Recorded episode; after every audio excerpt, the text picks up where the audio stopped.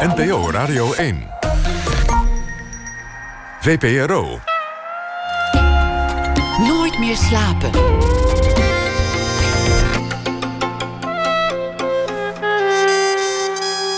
Met Pieter van der Wielen.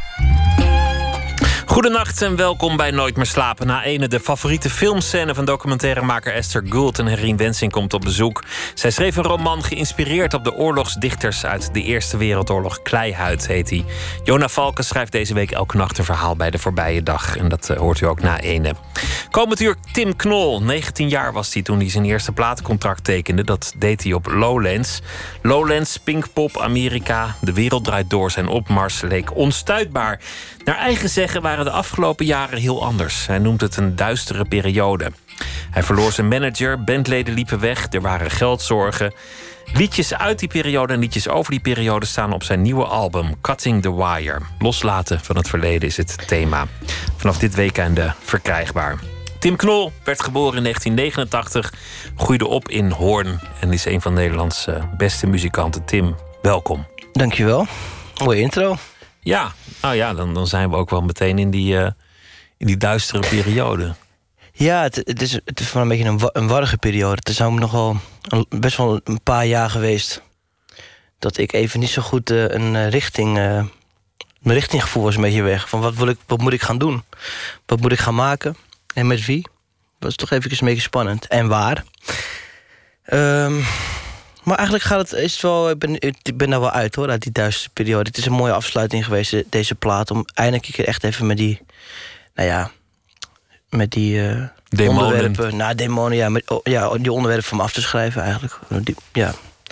Kijk, het, het was een hele, hele wilde rollercoaster de eerste drie, vier, drie jaar, denk ik toch wel, van mijn carrière. Het ging echt ongelooflijk uh, snel en hard en veel te hard eigenlijk, achteraf. Want je was piepjong, je was, was 19 toen het allemaal begon. Ja, het was, het was, uh, ja precies. Ik was, nog, ik was eigenlijk nog een beetje een puber hè, op dat moment nog. Eigenlijk, ze voelden het echt ook. Ik was een beetje echt aan het puberen nog toen eigenlijk. En uh, ja, als puber... Uh, het ging erg hard. Eh, dat is vooral te hard wel, voor mijn gevoel. Waar, waarom denk je dat, dat het te hard ging? Uh, nou ja, omdat ik gewoon niet meer van kon, genieten op een gegeven moment. Vooral bij de derde plaat. Was gewoon... Hè, dit, bij, de, bij de eerste plaat, nou, dat, was, dat was heel relaxed. Dat we gewoon alle tijd voor kunnen nemen. We hadden ook niet echt uh, hele hoge... Het was ook niet heel... We hadden geen verwachting eigenlijk. We gingen gewoon een mooie plaat maken en dat was het. En we hadden nooit de ambitie om op Pinkpop te spelen... of op Lowlands heel groot te worden of zo. Dat was helemaal niet het, het idee van die, van die plaat maken, überhaupt. En dat gebeurde toen wel. Eh, door een samenloop van omstandigheden. Dat Giel Belen hij tipt in de wereld draait door. En destijds was de wereld draait door gewoon nog echt... Uh, ja, als je daar stond of werd genoemd, dan uh, betekent dat echt nog iets. Weet je wel. Vandaag Volgens dag... mij is het nog steeds zo hoor. 1,7 miljoen kijkers Ja, dat wel. Maar voor mij is de impact iets minder groot dan destijds. Qua, uh, nu staan, kijk, nu, vandaag de dag staan er bijna, zonder bijna elke dag bandjes. Dat is nu ook weer wat minder. Ze zijn nu weer aan het veranderen qua concept volgens mij. Maar op een gegeven moment hadden ze elke dag bandjes. En soms zelfs in één uitzending twee acts. En ja, dat, bij ons was het echt die minuut. En dat, dat was ook niet elke dag. Dus dat, de impact was groter. En uh, denk ik, voor mijn gevoel. Ik heb niet, uh, ik denk niet dat de afgelopen jaren. Um, nou, de impact bij mij, of Silverman ook. Ik had één liedje, één minuut. En het was echt niet normaal wat de reacties we daarop kregen. Ik heb daar nooit meer daarna meegemaakt. Het, misschien, is het, misschien is het ook nog steeds wel die impact, hoor, dat weet ik niet. Maar voor mijn gevoel is het anders. Omdat we gewoon zoveel, nou, zoveel muziek hebben bij de Wereldrijd Door. Maar dat was, niet, dat was niet het enige moment van glorie. Ik noemde al Pinkpop, nou dan sta je daar voor 60.000 man. En, uh... Ja, dat, precies, dat, was echt waanzinnig. Dat is natuurlijk, kijk, uh, ik moest echt even mijn... Uh, ik, dat, dat durfde ik niet eens te dromen. Dat ik voor 60.000 man of 40.000 man... heel veel mensen... Kon, dat, dat, durfde ik niet eens te dromen. Dat gebeurde toen wel. En ja, dan, ga je, dan vlieg je wel even hoor. Als je 20 jaar bent en uh, dan gebeurt zoiets, dan moet je wel echt eventjes. Uh, ja. En dan moet je eigenlijk van genieten. En dat, dat, dat lukte me niet helemaal. Wat, wat deed je dan als je er niet van genoot? Nou, ik, ik wilde gewoon heel goed spelen. En kijk, ik heb achteraf wel van kunnen genieten. Eigenlijk pas uh, afgelopen twee jaar. Maar op het moment zelf was je, was je nuffig? Ja, gewoon een beetje afwezig eigenlijk. En we deden het maar gewoon. En het ging allemaal maar door. En ja, het is eigenlijk toch jammer. Vergeten te kijken. Weet je wel. Maar ik, gelukkig heb ik daar YouTube. En uh, ik heb dan wel eens teruggekeken, niet zo lang geleden. Om eens te kijken hoe, het, hè, hoe, het nou, hoe goed het nou was. Of, uh... Dus En dan, en dan gebeurt er iets dat, nou ja, misschien voor een buitenstaander een, een, een futiele gebeurtenis zou kunnen lijken, maar wat, wat op jou een, een enorme impact had. ja. Je band ging er vandoor. Ze gingen er niet Ja, vandoor met nou, ruzie. Nee, helemaal niet hoor. Kijk, en, en, en het was niet de hele band, het was een deel van de band. Maar het was, het was ook heel. Het was mijn eigen stomme fout, omdat ik een sabbatical had aangekondigd. En dat is iets wat ik nooit meer zal doen. Jij wilde naar Amerika. Ik wilde naar Amerika, ik wilde foto's, meer foto's gaan maken. En ehm, ja, ik dacht van. Ik, en op een of andere manier eh, is dat in een, ergens in een interview heb ik dat gezegd. En het werd een, een dingetje op nu.nl. En dan moet je ook echt die sabbatical gaan doen. Dat is heel gek. Als je dat dan eenmaal hebt gezegd, dan kun je eigenlijk niet meer terug. Dus ik zal nooit meer dat zeggen. Als ik nu gewoon twee jaar weg wil, dan ga ik gewoon twee jaar weg... en dan eh, kom ik gewoon daarna weer terug. Ik zal nooit meer zeggen, ik ga een sabbatical nemen. Maar kijk, ik, ik had die sabbatical genomen... en eh, die jongens dachten ook van ja, moeten we een jaar niks gaan doen. Dat is ook, dat, je, je gasten moeten gewoon spelen. Dus ik snap heel goed dat ze eh, op een gegeven moment er verder zijn gaan kijken. En eh, toen, kwam, toen kwam een deel van de band bij Douwe Bob terecht. En, Ja. en ook Duif, Matthijs van Duivenbode. Ja. Jouw, jouw eh, bandlid, manager. En, en mede-songwriter. Toch, Nou ja, toch wel. eh, dankzij hem, ik denk dat, dat groot, voor een groot deel is hij het, het succes, eh, heeft hij het succes gebracht. Nee, jullie hebben het samen gedaan. Zeker, maar ik bedoel, hij is een hele goede manager. En hij heeft gewoon een hele goede, goed gevoel voor timing. En eh, natuurlijk hebben we het samen gedaan, maar het, het, zonder hem had het niet gelukt. Had het anders geweest. Dat het was jullie avontuur samen. Ja. Jij maakte liedjes, jij zong. Hij, hij deed mee en hij regelde de dingen. Hij zorgde dat jij bij Giel terecht kwam. Dat op Pinkpop kon staan. Dat, dat je Ja, een platencontract kreeg. Ik weet niet wat hij precies heeft geregeld, maar veel. Ja, eigenlijk gewoon hele carrière. Hele, hele- el- elke st- stap die je zet als muzikant, die, die, die was destijds heel wel overwogen. En want, omdat Duif daar echt heel goed over nadacht, weet je wel. En eh, ja, echt manager. En dat is, dat is best wel knap. Want voor hem was het ook allemaal nieuw.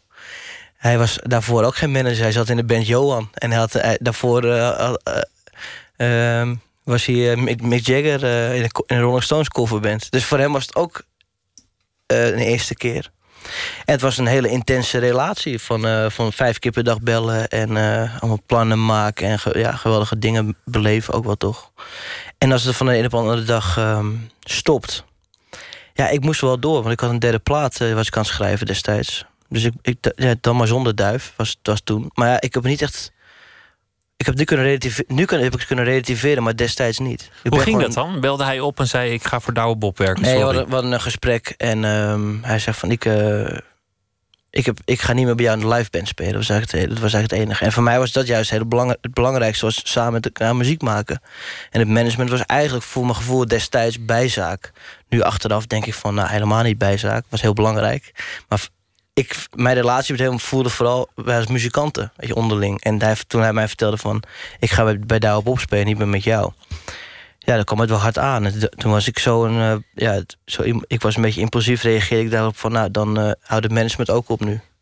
Dan, dan stoppen we er helemaal mee. En dat, dat was misschien een beetje een eh, impulsieve, stomme, snelle reactie. Dat die ik misschien anders had moeten. Het klinkt als een relatie die uitgaat. Ja, dat was het ook natuurlijk. En eh, kijk, het, het- was absoluut een relatie. En ehm, een, hele, een hele intense en hechte, hechte in- intieme relatie. Al, het voelde echt als een liefdesbreuk. Alleen het, het probleem alleen dan eh, was dat ik niet echt kon. ehm, nou, ik, ik stopte het een beetje weg. Weet je wel? Als je liefdesverdriet hebt of zo, dan kun je dat. hè, dat- dat- ik heb het overgeslagen. Maar jullie hebben wel dronken café-ruzies gehad waarbij er geschreeuwd is en, en, en Mm, jij hem van de andere kant van de bar hebt toegeroepen en Nou, Matenaaier hebt mij- geroepen. Nee, ja, dat, nee, dat is niet waar. Niet zo. is niet, dat mythevorming? Ja, een beetje wel. Dat, dat, dat, kijk, in het dronkenbij doe je wel eens wat, maar we zijn achteraf, we hebben natuurlijk wel, we hebben gewoon goed gepraat. Het is, ah, we zijn goed uit elkaar gegaan. En vandaag de dag, weet je wel, we, hebben een goede band en hij helpt eh, nog steeds waar, waar nodig. Als ik, als ik echt iets niet weet, kan ik hem altijd bellen. Ik had laatst een, eh, een dingetje met de Radio 538 en, eh, en ik, ik zat een film te kijken en ik had iets getwitterd over een, een flauwe grap die ze hadden uitgehaald. En eh, mijn Twitter ontplofte. Ik had een paar honderd reacties. En ehm, ik zat een film te kijken, ik had helemaal niet door. En de eerste die aan de lijn hing was Duif om mij te, om mij te helpen met het even goed eh, managen van deze situatie. Want ik wist gewoon ja, ik, hoe moet je doen, weet je? Als je opeens eh, van alle kanten niet aangevallen, ja, een beetje aangevallen wordt, maar ook uh, support. Weet je, mensen die stonden er ook achter. Dat ging, dat ging toch over die, over die striptease Ja, het was een, ja. ja. was een streaker bij 538. was een leuk, vonden ze een leuk grapje. En dat vond ik niet leuk, geen leuk grapje. Het is een beetje de... Volgens mij vond uiteindelijk niemand het een leuk nee, grapje. Nee, niemand vond het een leuk grapje. Het was gewoon een mislukte grap. Maar kijk, het is gewoon een, een, vaak bij 538, maar meer, meer radiostations waar, waar, de artiest, waar het niet meer voldoende is dat je gewoon een liedje speelt. Je moet altijd maar meer doen. Je moet dan ook weer soms moet je dan uh, bijna lollig zijn. Of moet je weer een, moet je een, moet je een gek pakje aantrekken. Weet ik. je moet altijd rare dingen doen. En, en bij 50 hebben ze dan, nou, dan de laatste keer van varen binnenlopen... terwijl Maan een om te zingen. Dat, dat, is dan allemaal grappig. Ik vind dat echt ontzettend uh, onrespectvol naar Maar in dit geval was het een zangeres die stond... en die, die, die schrok zich gewoon ja, lijf, want nee, er stond ineens een, een, naakt iemand. Ja. Over uh, het vertrek van je, van je bandje en en uh, Duifje manager. Ja. Die ironie wil, jij zat in de jury toen Douwe Bob meedeed aan de beste singer-songwriter van Nederland. Jij was Mhm. ontzettend enthousiast. Hij speelde voor de gelegenheid met muzikanten waarvan er een paar ook bij jou speelden. Ja, het was mijn hele band. Je hele band was het band, eigenlijk. Duif zat er in ieder geval bij en, en Anne Soldaat, de gitarist. Mhm. En in je enthousiasme zei je dit. Ja, ik, ik weet eigenlijk niet zo goed wat ik moet zeggen. Ik vond het echt zo fucking goed. Echt niet normaal. Zegt. Dankjewel man. Ja, ik, ik, ik ben ook... Weet je wel, voor mij mag je mijn band ook hebben, want die, die passen... Die passen, die passen heel goed bij jou, die Het jongens. is een topband, het is een Ah, topband. die Dankjewel, passen- dat ik mocht lenen van je. Super. Die past heel goed bij jou. Dat is echt gewoon een, en ja, het is arrangement heel mooi. Ik ben, ja, man, en wat een liedje. Echt geweldig. Heel goed. En wat een performance ook trouwens. Ja, joh. Wat een Ja. performance. Oh, wat is het nou voor een... Nou goed. Ja, weet, inderdaad. weet wat je zegt. Ja, Ja, het is een ontzettend... Een, ja, achteraf is het een hele eh, bizarre opmerking natuurlijk. Het is gewoon uitgekomen ook nog. Ja. Als je- ja. Kijk, als je nu ik- kijkt naar wat, wat er is gebeurd met, met, met Douwe. Ja, lo- Los van zijn charisma en, en zijn talent. ja. En dan de capaciteiten van Duif. De, Ja. de, de, de reusachtige vlucht die dat genomen heeft. Ja, nou, zeker. Dat is, waanzin- dat is waanzinnig natuurlijk. Dat is helemaal te gek voor die gasten. Maar dat, dat lijkt me niet iets dat jij zou, Eh, nee, zou ambiëren. Zo- zo- Zo'n eh, songfestival. Ehm, nee, eh, kijk. Ik denk dat, dat Douwe en ik al hetzelfde instaan qua... eh, we willen gewoon mooie liedjes maken. Uiteindelijk, dat is het belangrijkst. Alleen, zij- hij- Douwe ambieert wel... Die, die heeft ook wel eens gezegd in het café... Zo van, ik wil wel gewoon eh, een popster zijn. En dat is... eh, dat, dit is aardig gelukt, volgens mij. Ja. Hij is aardig op weg in ieder geval. Nee, ja, zeker. En dus, kijk, die, de man heeft een waanzinnig talent. Hij kan heel mooi liedjes schrijven en hij heeft een geweldige stem. En eh, hij ziet er goed uit. Dus alle, het, het is een, eh, nou, een recipe voor succes, zou je zeggen. En dat, dat, dat is ook zo. Ja. Ik heb wel eens naast hem gestaan op straat. En toen, toen wees hij een Aston Martin aan. Zei hij: Kijk eens wat een mooie wagen. Zal, zal ik ooit in zo'n wagen rijden? Ja. die fascinatie heb je gewoon als je jong bent, toch? Eh, ik heb dat. ik Als heb ik een Aston Martin zie, denk ik mooie wagen. Maar ik hoef Ik heb het niet met te Aston hebben. Martin. Ik vind die zo mooi oud. Ik heb mij maar gewoon een Mercedes S-klasse. Maar goed. Oh ja. Ja, Maar dat, is ook, dat is ook een heel ver eh, van mijn bedshow. Heel ver, want, want, want kort na dit, na deze gebeurtenis, eh, kwam je ook in, financieel in, in zeer zwaar water terecht. Er, er bleek Ja. ineens een soort schuld. Dat viel wel mee achteraf. Het viel wel mee. Je moet, moet ook, kijk, ik vind het eigenlijk niet zo chic om erover te praten zelf. Want ik, eh, ik vind dat, eh, ja, ik, het is een, een beetje een stomme fout van mezelf geweest. en een beetje mismanagement destijds.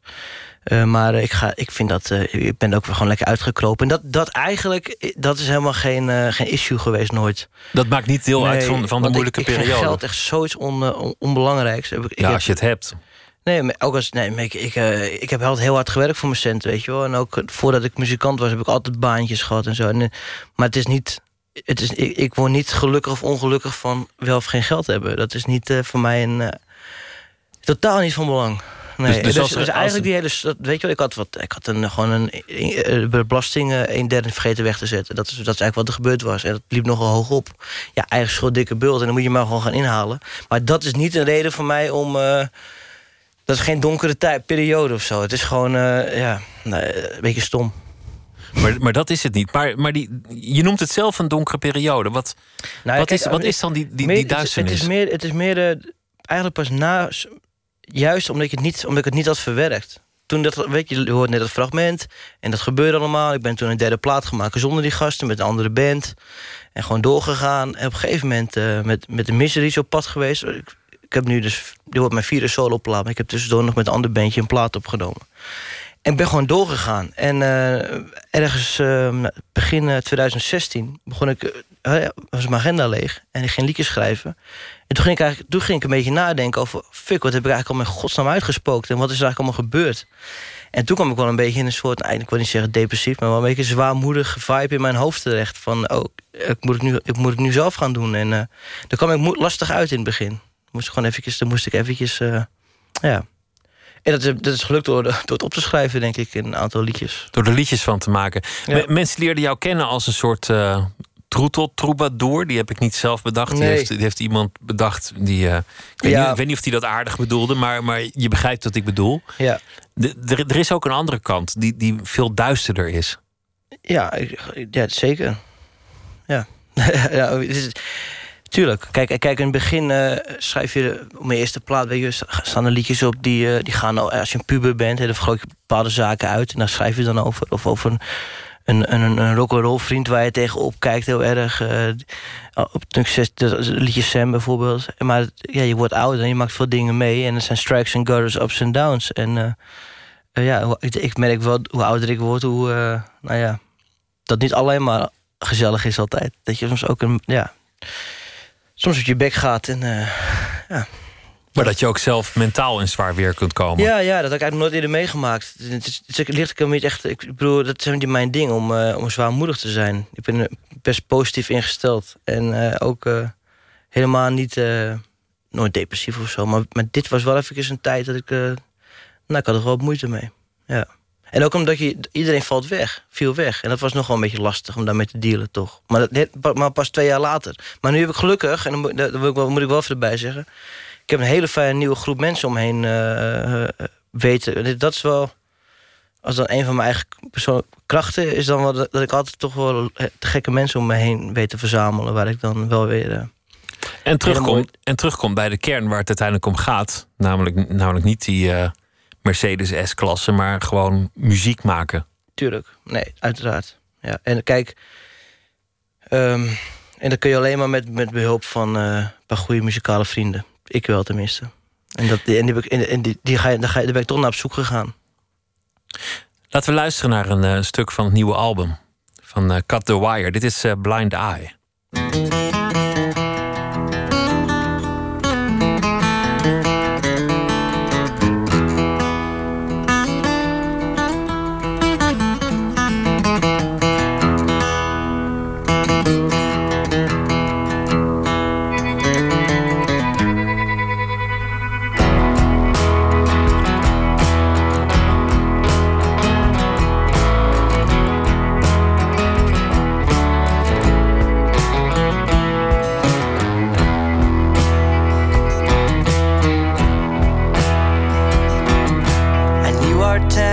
Lost its glow. The love flew out of sight, you know.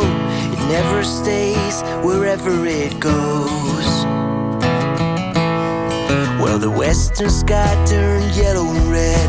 The pale moon made the night turn gray. My feet, they wandered far astray.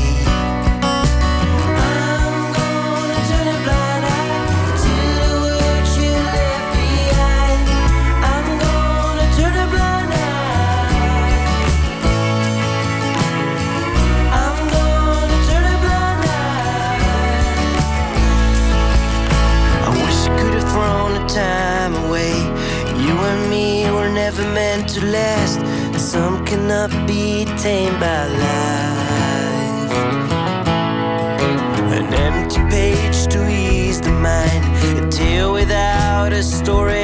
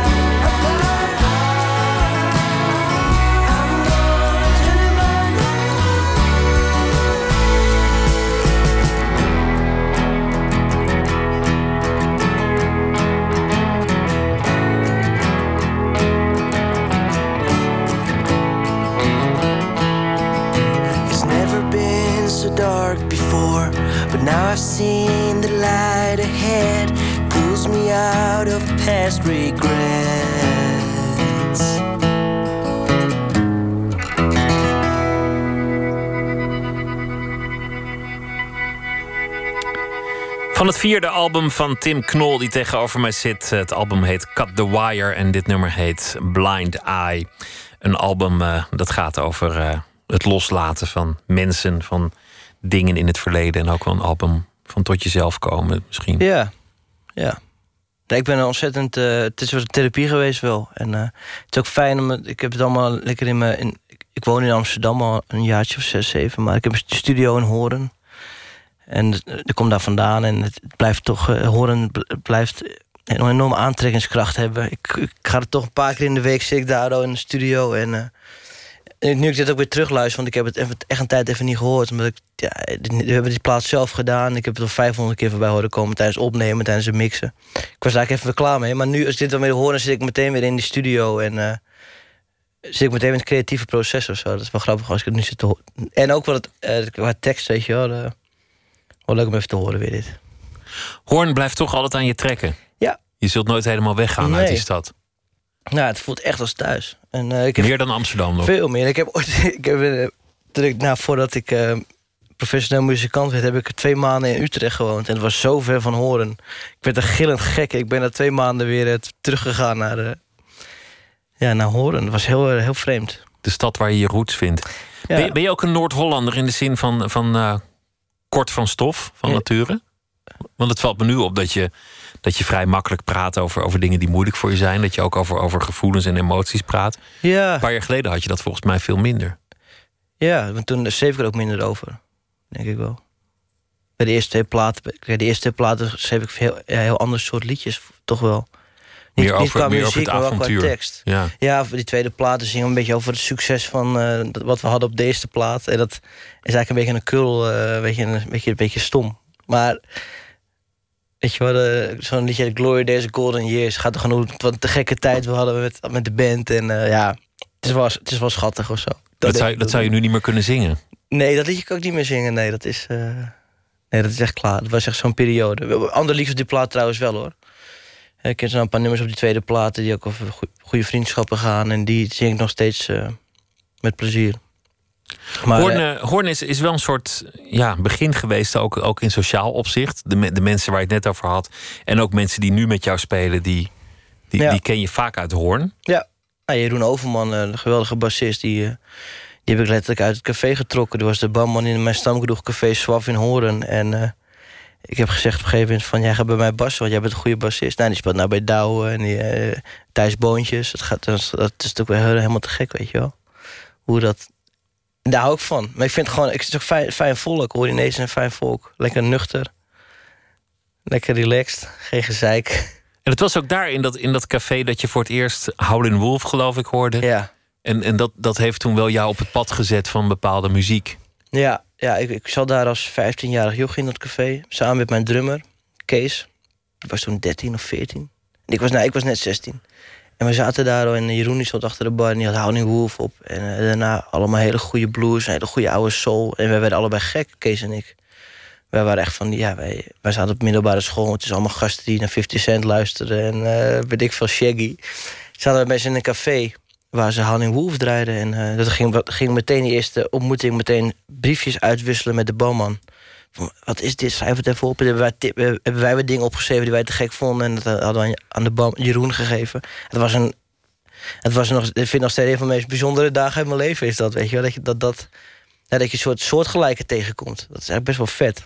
Dat je nieuwe muziek en nieuwe vrienden en, en Ja, op een nieuwe mi- op horizon middag. hebt. Nou, zo'n welbesteden middag, ook al zat je in het café. Ja, Ja, jouw vader die, die, die was, was eigenlijk de, de muzikant bij jullie thuis. ja, nog steeds. En je hebt ook van hem leren spelen. Hij heeft jou gitaar leren spelen. Eh, inderdaad, en hij heeft eh, mij, toen ik een jaar of 7, 8 was, heeft hij me een paar maanden les gegeven, maar dat ging echt voor een meter. Want ik, ehm, ik luisterde niet en ik leer, oefende niet. En of dat, ja, dan was het elke keer van. We gingen wel niks één keer in de week met z'n tweeën zitten in de, in de, in de woonkamer. Dan ging hij me echt officieel gitaarles geven, maar ik, deed er niks aan. En ehm, het bleek, achteraf bleek gewoon dat ik, dat ik dat helemaal niet wilde leren. Ik wilde geen noten leren spelen. Ik wilde gewoon die akkoorden. Zodat ik heel snel. En dat, op een gegeven moment had mijn pa dat door. En die zei: van hier heb je een paar akkoorden, ga dat maar oefenen. En hier heb je een paar liedjes. Was een, een paar nummers van Steve Earle. En eh, voor mij is Your Land van Woody Guthrie. Zo'n liedje wat. Of, en Blowing in the Wind van eh, Bob Dylan. zijn liedjes die je vrij makkelijk snel kan spelen op de gitaar. Met een paar akkoorden. En eh, dat, was, eh, dat was een beetje de eerste stappen.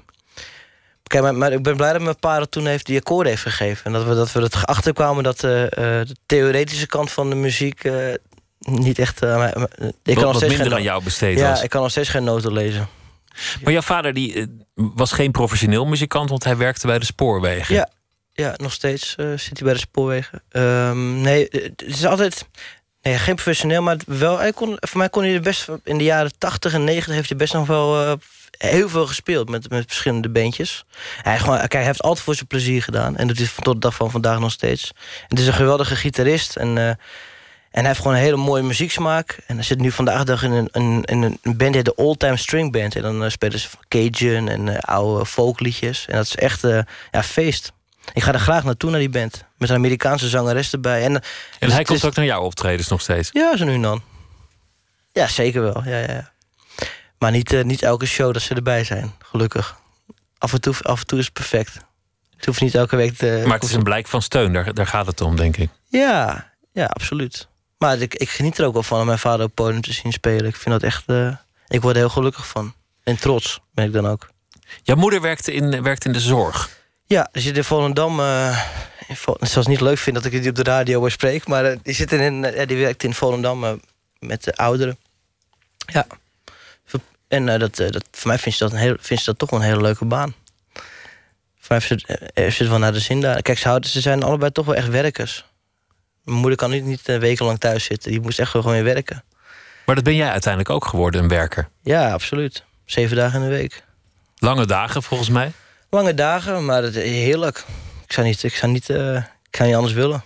Maar vroeg opstaan tot, tot s avonds laat in de studio blijven zitten... En, en al die tijd dat je daar bent ook echt gericht blijven... op wat je, wat je aan het doen bent. Ik heb van die periodes inderdaad. Dat ik echt eh, inderdaad, eh, veel studie, in de studio zit. En dat ik dan eh, tien uur binnenstap. En dan soms tot 11, 12 uur s'avonds avonds doorpak. Eh, kijk ik als ze beentjes bij ons komen opnemen. In de, want wij nemen ook andere beentjes op. Of ik en dan met de jongens van de studio. En dan is het wel echt zo van... Er is geen eindtijd. Wanneer het, wanneer het op is bij de band... Dan is het klaar. Maar ik ga gewoon door. Maar voor mij zullen ze niet zo snel horen van... eh, jongens, ik heb het gehad. Ik, en ik vind dat de uitdaging dat als... weet Omdat bandjes gewoon... eh, zelf dan echt denk van... fuck, die Tim die gaat maar door, man. Dat, dat vind ik altijd lekker als dat gebeurt. Mensen hebben vaak de droom van dat muzikanten bestaan... elke dag uitslapen, elke nacht feesten... Ja. af en toe een beetje muziek maken... en, en verder je, dat is je ook wel eens, hoor. Ik heb, het is niet dat ik alleen maar aan het werk ben. Ik vind, ik vind uitgaan ook heel leuk. De- maar- Bier drinken, dat is, dat is een grote passie, toch? Ja, ja, bier drinken zeker. Ja, dat is, vind ik heerlijk. ja, maar een drinken. beetje- alcohol vind ik gewoon lekker. Ja, alcohol, heerlijk. Verdovende effect. Ik weet niet, eh, het is, wel, ja, het is ook een beetje toch eh, ontlading. Ja, ontspanning. Maar bijvoorbeeld als ik in een studio zit... Ja, ik drink bijna niet in als ik aan het werk ben. Heel soms na afloop, na afloop daarna wel. Maar niet als ik aan het werk ben. Ook niet met optreden. Vind ik altijd zo stom als je dan van tevoren drie, vier bier gaat drinken. Daar wordt echt niet beter van. Dan ben je gewoon gericht op het, op het resultaat. Uiteraard, ja. Je hebt, je hebt eens gezegd dat je, dat je er vroeger van droomde... en vrij lang om vrachtwagenchauffeur te worden. ja, nog steeds wel. ja? Het lijkt me nog steeds prachtig om te doen. Pas wel bij de muziek waar je naar luistert. Dat, dat Ja, is toch wel een beetje de muziek van de, van de grote weg en de grote wagen. Zeker weten, ja. Nee, ik, eh, dat, eh, lekker hard een Steve Earle plaat waar je op die zo'n grote truck zit. Ik, ik zie het wel voor me, ja. Ik eh, heb vorig jaar mijn rijbewijs pas gehaald. Ik heb, ik heb wel heel lang dat ik, eh, dat ik dit wil. Ik wil nog steeds een- mijn mijn- mijn rijbewijs halen. Dat, is, dat ga ik ook echt binnenkort... De komende twee jaar ga ik dat doen. Ik wil dat eh, echt eh, een keer hebben gedaan in mijn leven. Misschien wel een paar maanden gewoon op de vrachtwagen. Even kijken of het kan of hoe, ik dat moet gaan doen. Maar het lijkt me echt eh, mooi om een keer mee te maken. Een periode. Wat geweldig. Dat je, dat ja, vind, vind ik echt wonderlijk dat je die, die dat verlangen hebt. Ja, ik weet niet waar het vandaan komt eigenlijk. Het is, het is, het is vanaf heel... Als, als kind vond ik vrachtwagens fantastisch. En ik mo- mocht ik op snuffel, snuffelstage in groep 7. Toen mocht ik dan zo'n eh vrachtwagenchauffeur de hele dag mee. Ja, dat was echt ook geweldig. Ik- dat is nog steeds zo'n dag... nee, Dat ik, dat ik, weet ik veel, oud ben je in groep 7? 9, 10? Iets ouder misschien wel, 11. Nou, was Ja, echt, elf eh, denk ik, ja. echt, eh, ja, fantastische tijd. Gehad met die gast. Het werd, het werd de muziek. Je, je bent ook naar een opleiding gegaan, hè? naar Ja. de, de Herman Brood Academie. Ja, Maar, maar dat, was, dat was volgens mij niet een denderend succes. nee, dat is niet helemaal mijn, eh, dat was niet helemaal mijn... eh, Nou, kijk, wat, wat, wat daar gebeurt, en dat op zich is dat... Als je, als, muziek, als je heel goede muzikant bent, als je goed kan gitaar spelen... maar je hebt geen idee wat je eigenlijk mooie muziek vindt... is dat een geweldig, is het een geweldige opleiding. Je onderzoekt, je ontdekt, je, je, komt, je netwerk wordt in één klap heel groot... met allemaal geweldige muzikanten om je heen. Maar ik stond op een gegeven moment met een bandje reggae te spelen... en daarna met een ander bandje hardrock... Terwijl ik met mijn eerste soloplaat bezig was op dat moment. Ja, dat was zo demotiverend. En ik denk dat ik... eh, ik heb het 2,5 jaar op die school gezeten, misschien drie jaar. Ik denk dat ik bij elkaar... eh, ben ik niet trots op trouwens. Ik zeg het niet eh, om cool te doen. Misschien 35 dagen geweest. Weet je wel? Nou, dan konden ze je gewoon niks leren. Dan had je niet het gevoel dat je daar geprikkeld werd. Ik werd niet geprikkeld. Want ik kon op me vast wel wat leren, maar ik, ik stond er niet voor open. En eh, nou, in- op een gegeven moment was het zo, liep het zo uit de hand... dat ik echt van school ben gestuurd. Omdat ik er nooit was. Door Ivo eh, Severijns, dat was de oude bassist van Herman Brood. En die is, die dan nu dan eh, schoolhoofd. En die heeft me toen weggestuurd. Maar ik, ik was een, in het begin nog een beetje verborgen over ook eigenlijk. Want er waren, ik kon niet goed aantonen op dat moment... dat ik met een plaat bezig was. Want, het was. Er was geen carrière, er was niks. Ik was gewoon een gast uit Horen die nooit op school was. Terwijl, eh, ik had in mijn eh, klas Lisa Lois, die zit mee aan de X-Factor. En die kon meteen dat als stage doen. Dus die, die, die, was meteen geslaagd omdat ze meedeed aan de X-Factor. Dat was gewoon... eh, en Nielson van de beste singer-songwriter, die kreeg ook zo'n speciaal traject. Maar ik kon dat toen nog niet aantonen. Dat het, ik wist ook niet dat het zo'n succes zou worden destijds. Anders had Nou ik misschien wel een opleiding, had het opleiding af kunnen ronden... door het gewoon als stage op te geven. Nou, je hebt het niet nodig gehad. Dus, nee, nee, ja, nee. Achteraf fuck it ook. Maar het, ja, goed. Toch was je wel, je, je had wel een soort, soort oude ziel of zoiets. Dan, dan, dan ben je een, een jongen van 19 en dan, dan zing je al met een, met, een, eh, met een lading en een gewicht. En soms ook, ook in die teksten, dat, ja, dat er toch gewoon enorm, enorme zwaarte in, in zat. Ja, nou, bedoel je bij de eerste plaat dan? Ja, Ja, dat klopt ook wel. Zeker bij een paar nummers. Het één liedje. Ja, kijk, en toch... Misschien het meest directe liedje... en ook wel het meest zware liedje is Music in My Room. Dat is een eh, heel klein liedje. Wat ik schreef voor eh, tweede goede vrienden van mij en van mijn ouders... die een zoon verloren aan de ziekte van Duchenne. Ja, dat, en kijk... Ik vond dat een heel mooi onderwerp om over te schrijven. En het is wel een zware tekst. Maar het paste wel bij mij als 19-jarige destijds. Om dat te schrijven. Het was, een, het was bedoeld als een eh, soort liedje die, eh, voor, voor de ouders. Dat die wat rust krijgen. Dat die, dat die iets moois hebben om aan, aan hun zoon te denken. Ik vond het alleen maar heel mooi. En eh, ik, ik heb dat nooit als eh, beladen ervaren. Ik voel- het voelde heel erg juist om dat als 19-jarige te zingen. Dus ik heb voor mezelf nooit het gevoel gehad van... ik zit nu iets te zingen wat niet bij mijn leeftijd past. Nooit. gelukkig maar. want Dat zou ook een rare gedachte zijn. Nee, dat als heel raar zou zijn. Nee, ja, zeker. Ik wil nog een nummer laten horen dat, eh, dat, dat op je album staat. Omdat Ja. je naast muziekliefhebber ook een, eh, een heel goede fotograaf bent. En ook een eh, fotografie eh fanaat. Ja, En dit nummer heet Polaroids. ja.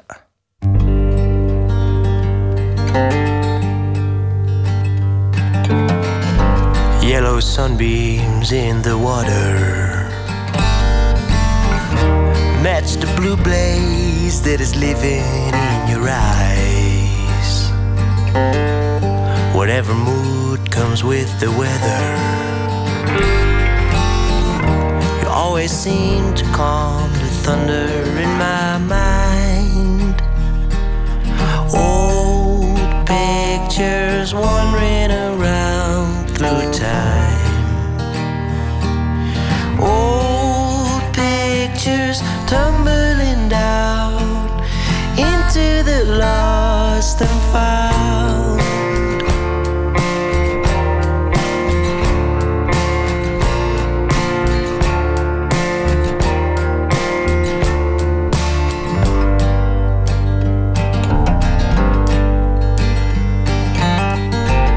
City sleeps under the low sky. I have my pockets filled with Polaroids of last night. These are the moments to remember. I figured out that even darkness holds a shine. Old this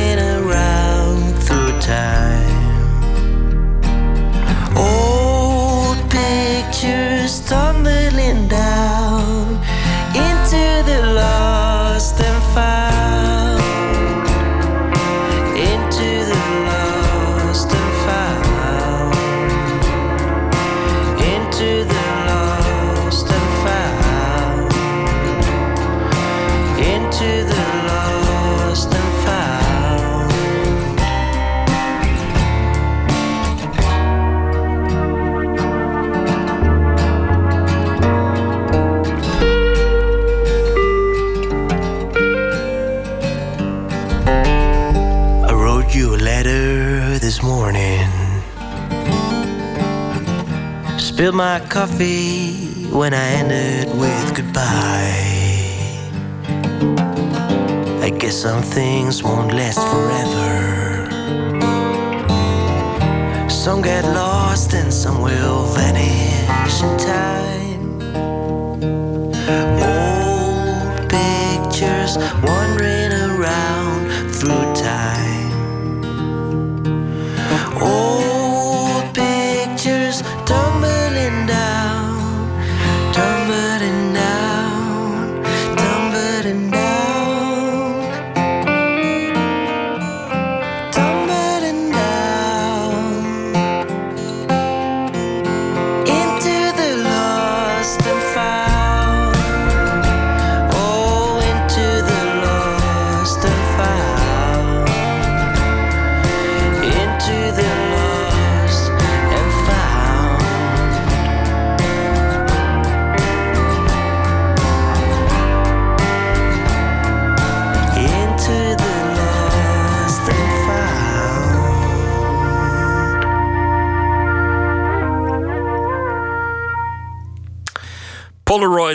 Eh, Tim Knol. Die, eh, nou, er zit ook wel veel tijd in bij jou, denk ik altijd, de fotografie. Zo Ja. een groot deel van je, van Ja. je leven. Nou, het is vooral als je gewoon. Het is echt een hobby.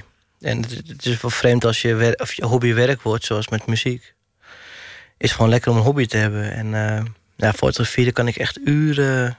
Ik, gisteren ben ik naar het doel gereden in België. Heb je ooit wel gehoord van dat plaatsje? Nee? Het is een verlaten spookdorpje. Waar nog iets van vier huizen bewoond zijn en de rest allemaal dichtgetimmerd.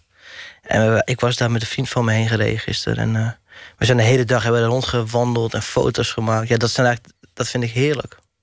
Even niet, nergens over nadenken eigenlijk gewoon. Een beetje door je lens kijken, een beetje dingen vastleggen. Nou, het was een mooie, mooie, mooie, mooie vreemde plek was dat. En we waren ook aan het eind van de middag, bleven nog een beetje en het werd donker. Ja, echt, echt spookstad. En stormde als een, als een gek. Het zit- net boven Antwerpen is het. eh, echt in het havengebied, naast die kerncentrale. Ja, het is echt waanzinnig. Maar goed, dat, Nou, ik kan me voorstellen hoe, hoe, mooi dat is. En, en spooksteden zijn altijd spannend ja, natuurlijk. het is ontzettend spannend. Heerlijk. Ik hou ervan. En ook als, heen, als enige daar rondlopen, dat je dan iemand zo achter een raam ziet, zo, die dan ook, ook denkt: van wat doen die gasten hier zo laat nog? Zo, weet je. Maar wij schrikt weer van zo iemand die achter een raam staat. Ik vind dat heerlijk. Beetje spannend, beetje eh, de spanning opzoeken soms. Maar goed, Maar je doet, je doet Ik- ook zo aan, aan eh, straatfotografie. ja, in het buitenland vooral. Ja. In het buitenland, niet in Amsterdam. Eh, ik, ik, ik ga dat nu eh, de komende tijd wat meer doen. Maar ik durf het eigenlijk niet zo goed in eh, Nederland. Omdat ik, ik toch, eh, als ik in het buitenland, ik heb in Amerika eh, bijvoorbeeld veel in New York veel straatfotografie gemaakt. En ja, als daar iemand boos op mij wordt, dan, ja, dan vind ik het niet zo erg. Maar hier al vind ik het toch wel, vind ik het toch wel een beetje moeilijk of zo. Want dan kom je hem wel weer tegen of dan weet hij misschien wie je bent of, of dat soort dingen. dat is toch een beetje het achter, wat dan in je achterhoofd eh, rondspookt. eh. Je moet zo snel zijn dat ze niet eens boos kunnen worden. Dat ze niet eens doorhebben dat je een foto maakt. Nee, een goede vriend van mij die, eh, die heeft nu een, een, een- methode die, ook, die, die, die ik nu ook toepas. Dat, hij noemt het de buikfoto. En het is gewoon je camera op je buik en dan stiekem vanaf je. Ja. Het is ook een mooie, mooie hoek. Als je een mooie groothoeklens hebt, dan heb je eigenlijk. Dat is best wel. Ja, het is geen portret natuurlijk, wordt echt een straatfoto daarvan. En dus ik, eh, ik doe nu eh, de laatste tijd eh, mijn camera op mijn buik. En ik heb nu net een nieuwe camera waar je ja, mooi eh, je scherm kan draaien. Nou, dat is echt te gek, want niemand heeft het door. Dus nu ga ik toch wel meer in Amsterdam, ook eh, even in Nederland, de straat op. Je fotografeert meestal volgens mij analoog. Want dit gaat over Polaroids. Ja, ik, heb, ik heb tijd gedaan. Ik, helaas heb ik twee weken terug heb ik mijn Leica weggedaan. Ja, Die heb je verkocht. ja, ik heb altijd. Ik, heb, eh, ik hou van analoge fotografie en ik vind het nog steeds het mooiste wat er is. Eh, maar ik gebruikte die Leica bijna nooit meer en ik word een eh, nieuwe digitale camera voor de straatfoto's. En ik, ik heb me ingeruild. Ik, het doet wel een beetje pijn, want ik vind het nog steeds het mooiste wat er is. Maar doet- kijk, als je dit niet meer gebruikt, dan. en het, was, het werd gewoon te duur. Als je de rolletjes en eh, Nog een rolletje, nog een rolletje. ja, en, het- weet je, en, dan en moest je even een contactsheet. En wat, wat ook weer een tientje. Het ging echt naar honderden euro's, weet je wel. Dat, ja, dat, dat is, dat was het even niet waard of zo. Maar over, over tien jaar dan zal je verbaasd zijn hoe, hoe duur die Leica's tegen die tijd zijn. Ja. En dan is die digitale camera gewoon verouderd. Waarschijnlijk wel. Dan is er een met een Ja. groter schijfje of Ik heb zo. Hassel, Hasselblad nog wel. Ah, Dus, eh, ja, die zou ook wel, geld waard zijn. wel, iets, eh, wel iets analoogs nog. Maar ik, ik, ik had een soort beeld, en, en het leek me leuk om het met je erover te hebben... Van, Ja. van, van dat er ook wel nostalgie in jouw bestaan zit. Nostalgie naar de analoge fotografie, nou die heb je dan afgeschud. Nou ja, en nog steeds als, als liefhebber. En geef mij maar analoog. Om naar En- te kijken ook. Naar En liever vinyl en, en een liefde voor oude Ja. muziek... en een, en een liefde voor, Ja, een, nou ja, je hoeft geen auto... maar dan liever een oude auto. En ja, toch iemand die, die een enorme hang naar het verleden heeft. Ook, Ja. ook naar verleden dat niet per se je eigen verleden is. nee, nee, helemaal niet zelfs. Nee, het is, van ver daarvoor. Woody. Guthrie of zo, ja, ik noem maar wat. Ja, maar het is, het is gewoon. eh, ik, vind, ik vind nog steeds die. die als je het even over de muziek hebt, dan van die tijd. Ja, ik vind dat gewoon nog steeds veel interessanter dan wat vandaag de dag wordt gemaakt. Je hebt wel bands nu die boeiend zijn. Het is niet dat ik alleen maar dingen van vroeg, maar. Kijk, als je de top 40 in Amerika in de jaren 60 eh, naast de top 40 van vandaag de dag zet, ja, dan kun je toch alleen maar constateren dat het vandaag de dag niet zo best is eh, gesteld met de popmuziek. Mag ik dat zeggen? Ja, ja, voor mij mag je dat zeggen. Ik geloof dat ik er hetzelfde over denk. Maar te- tegelijk vind ik het ook een soort, soort ergernis bij mezelf of, of, of bij anderen. Omdat ik denk, je moet ook in je eigen tijd leven. Ja, maar ik, heb, ja, maar ja, ik, ik, ik zie het helemaal als een ergernis. Ik vind het heerlijk om... eh, ik stoor ook niemand mee verder, toch? Dus, eh, eh, Nee, dat is waar. Maar Ja. je, je, hebt, je hebt ook veel kennis. Ik bedoel, je, je, je kent alle namen en je weet welk B-kantje bij welk liedje hoorde Ja. en in welk jaar. En Nou, ik vind het heel leuk om, eh, om mijn passie te delen... Hè, de, met de oude muziek en mooi, of vergeten artiesten... maar over te hebben met mijn publiek. Dus ik zit vaak met optredens. ja, ik, ik wil niet een, een, een Leo, de Leo Blokhuis van mijn generatie zijn. Ik, ook helemaal niet, ik wil ook helemaal niet op die manier... Ik wil het meer vanuit eh, mijn, mijn gevoel... waar- waarom ik een artiest goed vind. Niet de feitjes, dat interesseert me eigenlijk helemaal niet. Maar ik probeer dan wel aan mijn publiek gewoon uit te leggen... waarom dit nou zo goed was vroeger. Bijvoorbeeld een, een, solo-artiest als Don Covey of zo, weet je wel. Dat, vind ik dan leuk om met mijn publiek over te hebben... en dat dan eh, ja, zo, toch zo overtuigen van dat het echt hele mooie muziek is.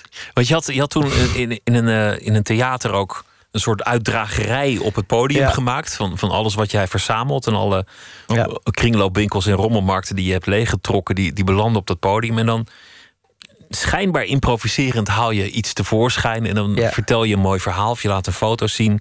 En er hoort een liedje bij. En ook een verzoeknummer. Of er is net iemand dood. En dan memoreer je dat. Ja. En op die manier, nou ja, niet, niet Leo Blokhuis, maar op je eigen manier werd je wel een verteller. Ja, nee, maar dat, dat, dat hoop ik ook. eh, ik, ik, ik word daar steeds beter in. Want, eh, ik was daar een paar jaar geleden, ja, ik had het nooit gedaan. Je moet, je moet een beetje je weg daarin vinden. Van hoe, hoe kun je het een mooi verhaal vertellen zonder dat het, eh, hè, dat het, dat het bedweterig wordt. Of dat je van ik weet het allemaal jullie niet. Dat moet je niet hebben. Je moet juist. maar het is gepassioneerd, je reikt dingen ja, aan. ja, ja, ja, maar het is toch even de manier hoe je dat, hoe je dat brengt. Dat heb je toch even, eh, ja. Vooral de laatste twee jaar ben ik daar van mee bezig geweest. Voor mezelf, hoe, hoe ik dat ga brengen. En, en inderdaad, op die manier dus. Met een, sing- een singeltje uit een platenkoffertje pakken... en dan eh, wat daarover iets vertellen. Of een, mooie oude foto die ik... eh, van van een vergeten artiest tevoorschijn. eh, En dan zeg ik, nou, dat is Jimmy Donnelly. En die man die heeft dit liedje... ge- Weet ik, eh, je moet het gewoon op een leuke manier brengen. Dat mensen ook zin hebben om dan thuis nog eens... naar de liedjes te luisteren.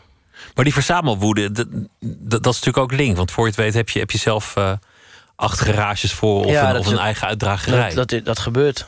Dat, dat, gaat- is ook aan de nu- hand. Ja, ik, ik spaar dan vooral singeltjes. Oude, oude vooral soul singles vooral. Ja, en dat, eh, mijn eh, woonboot, eh, die, mijn vriendin is niet altijd heel blij met Tim Knol. Met wonen met Tim Knol. Dat is wel best wel eens vervelend. Want ze woont in een platenzaak inmiddels. Je, ze woont in een platenzaak, precies dat. En, maar niet alleen een platenzaak, je spaart Fotocamera's. camera's, maar ook dus een fotonegatieve. En dat gaat dan naar glasplaten, glasnegatieven. Ja, het, het, eh, eh, ja, je moet maar een keer bij me thuis komen, dan kun je het zien. Het is nogal een bende. En dat is allemaal mijn troep. En eh, ik, dat, is- ik vind het wel eens vervelend voor haar, hoor. Dat, mijn leven met mij is niet altijd even makkelijk.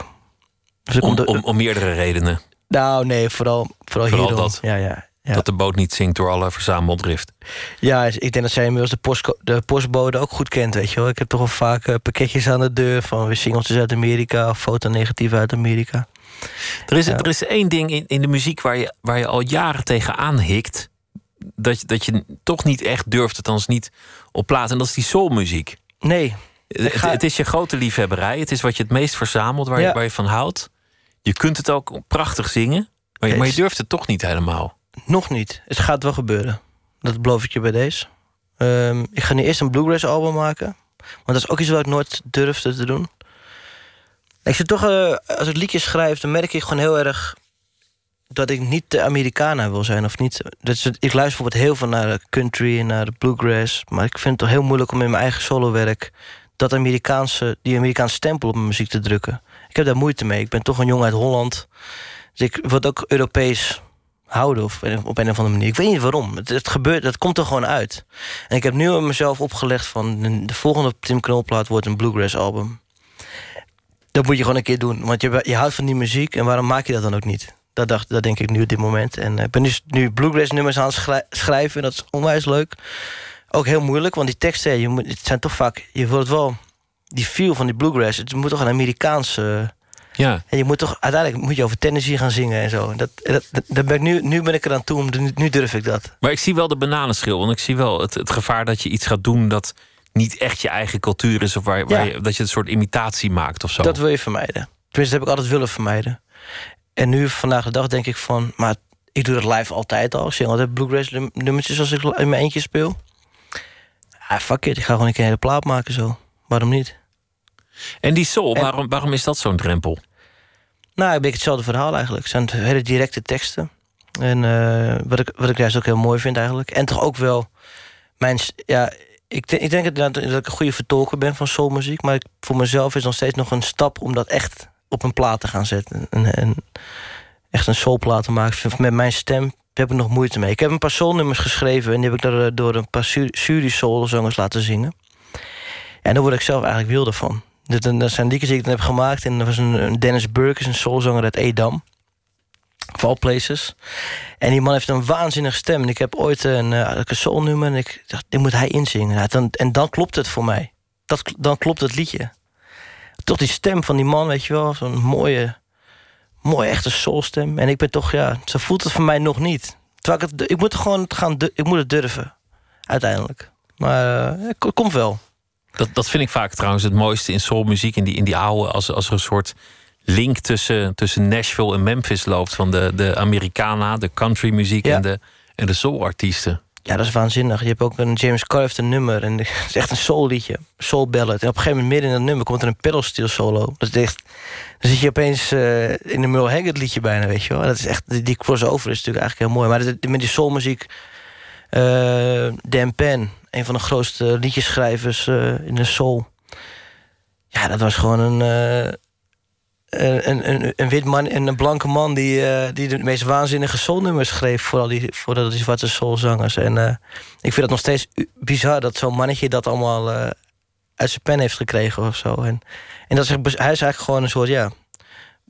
Ja, hoe noem je dat nou? Bijna, bijna een soort country misschien wel worden zien. Of roots. En die belandt helemaal in de soul. En die verdwijnt daar compleet in. En die heeft een geweldig oeuvre met soulliedjes. Uh. En kijk, ook Dan Penn, die worstelt een beetje met uh, zijn... Hij heeft ooit ook geambieerd om zelf te gaan zingen. Maar het is nooit echt gelukt. Maar die demo's zijn niet allemaal uit. En het is waanzinnig om daar te luisteren. Maar het is hem... Op een of andere manier is het hem ook niet gelukt uh, als witte man... om destijds succes te hebben met soul. Dat is heel grappig. Maar uh, zijn liedjes zijn uh, onvergetelijke zijn hits liedjes geworden. zijn ja, de grote hits. Uh, Rita Franklin heeft ze gedaan. Heel veel, alle grote soulzangers hebben een lied van Dan Penn opgenomen. Ja. En hoe zit het met, met, met de gedachte om, om de Verenigde Staten... om het daar te proberen als, nee. als liedjeschrijver? Want, want het is wel iets waar je, waar je ooit het over had. Nee, kijk, ik, uh, zie, ik, zie de, ik ga heel vaak en heel graag naar Amerika. Uh, maar dat is echt voor inspiratie en...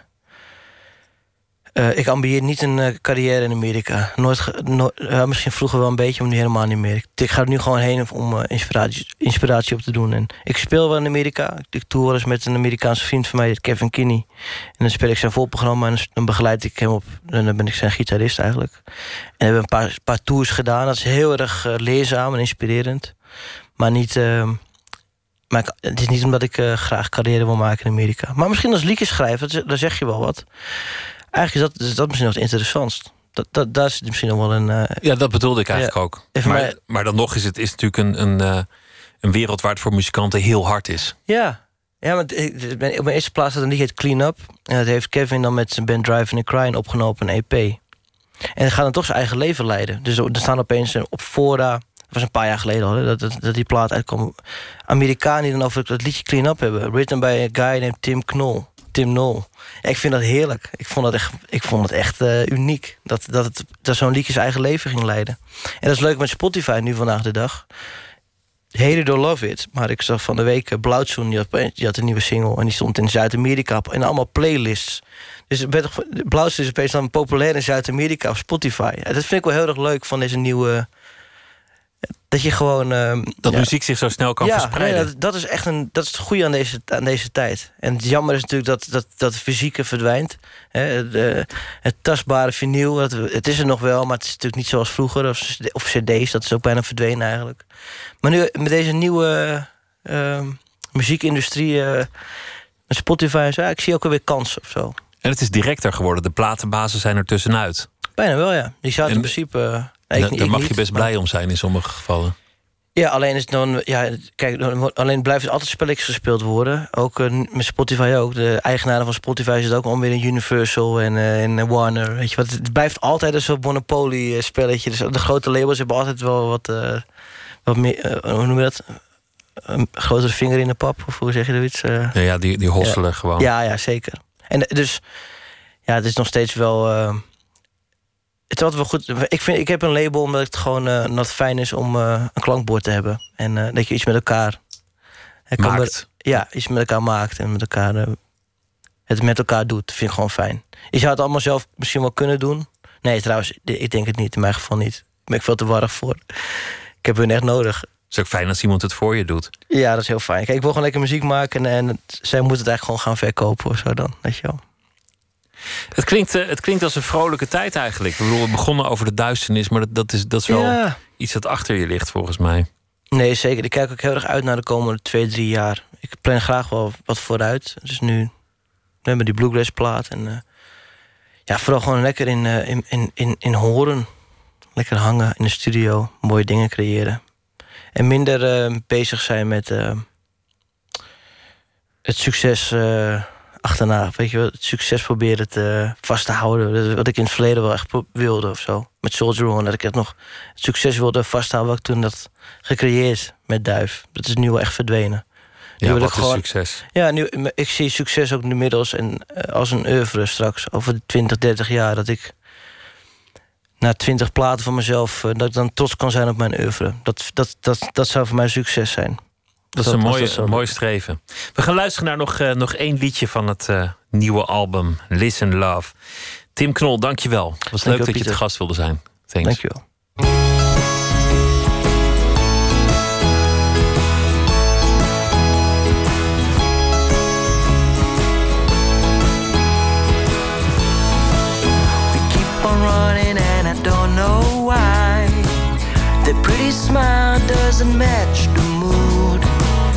Words they make their way into the room, twisting things upside down. Listen, love, I'd only let you down. Will you forgive me if I leave? Oh, my love, just try and shake me up someone who meant your broken heart. It's your kindness that has kept me here. There's nothing that you wouldn't do. If I ever think straight again, I'd fight my way back to you. Listen, love, I'd only let you down. Will you forgive me if I leave? Oh, my love, just try and shake me up. Someone who meant your broken heart. Apartment on the second floor, I hear the traffic on the streets below. I'm already in the car, you know.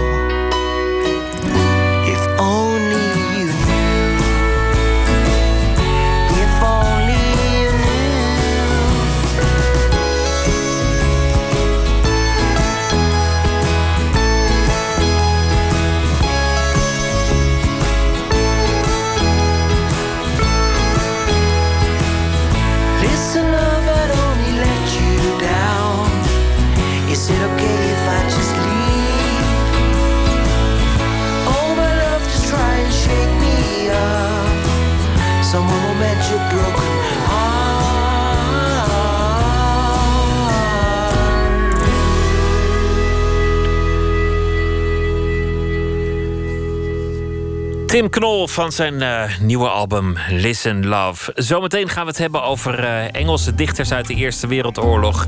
Rien Wensink werd daardoor geïnspireerd bij het schrijven van haar roman Kleihuid.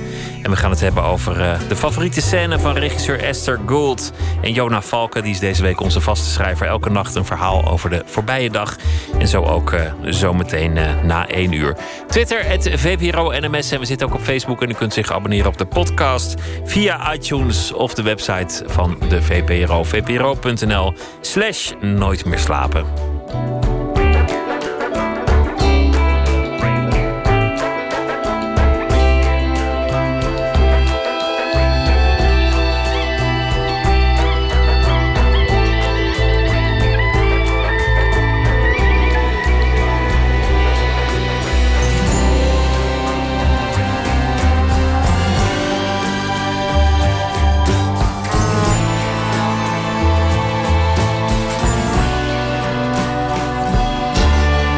Radio 1. Het nieuws van alle kanten.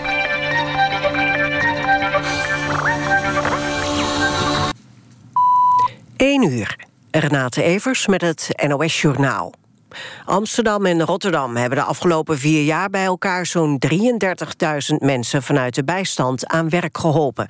Rotterdam voerde de afgelopen vier jaar een streng beleid, waarbij aanvragers van een bijstandsuitkering veel informatie moeten aanleveren en er strenge regels gelden voor een uitkering. Ook wordt er intensief gecontroleerd op bijstandsfraude. Volgens de gemeente is zo'n beleid niet streng, maar rechtvaardig. Amsterdam typeert zijn eigen aanpak juist als vriendelijk. Bijstandsgerechtigden hoeven niet te werken als ze er niets mee verdienen... en ook is de verplichte tegenprestatie voor een uitkering niet ingevoerd. Oud-piloot Julio Porch heeft de Nederlandse staat al in 2013 aansprakelijk gesteld voor de schade die hij heeft geleden. De Nederlands-Argentijnse Porch werd eind vorig jaar vrijgesproken na acht jaar voorarrest in Argentinië. Hij werd ervan verdacht dat hij meewerkte aan de dodenvluchten tijdens het regime van president Fidela. Bij Jinek zei zijn advocaat dat er een juridische procedure zal komen als de regering niet met geld over de brug komt. Daarbij zullen ook ministers als getuigen worden opgeroepen. Volgens advocaat Knoop zijn er op hoog politiek niveau fouten gemaakt. Porch kon dankzij informatie van Nederland in 2009 worden opgepakt in Spanje. De Amerikaanse regering schroeft de hulp aan Palestijnse vluchtelingen fors terug. Van de toegezegde 125 miljoen dollar wordt voorlopig maar 60 miljoen overgemaakt. Volgens Washington is dat omdat er twijfels zijn over de manier waarop de VN-organisatie opereert die het geld beheert. President Trump dreigde deze maand de financiële hulp helemaal te staken... om zo de Palestijnen te dwingen om de tafel te gaan met Israël over vrede.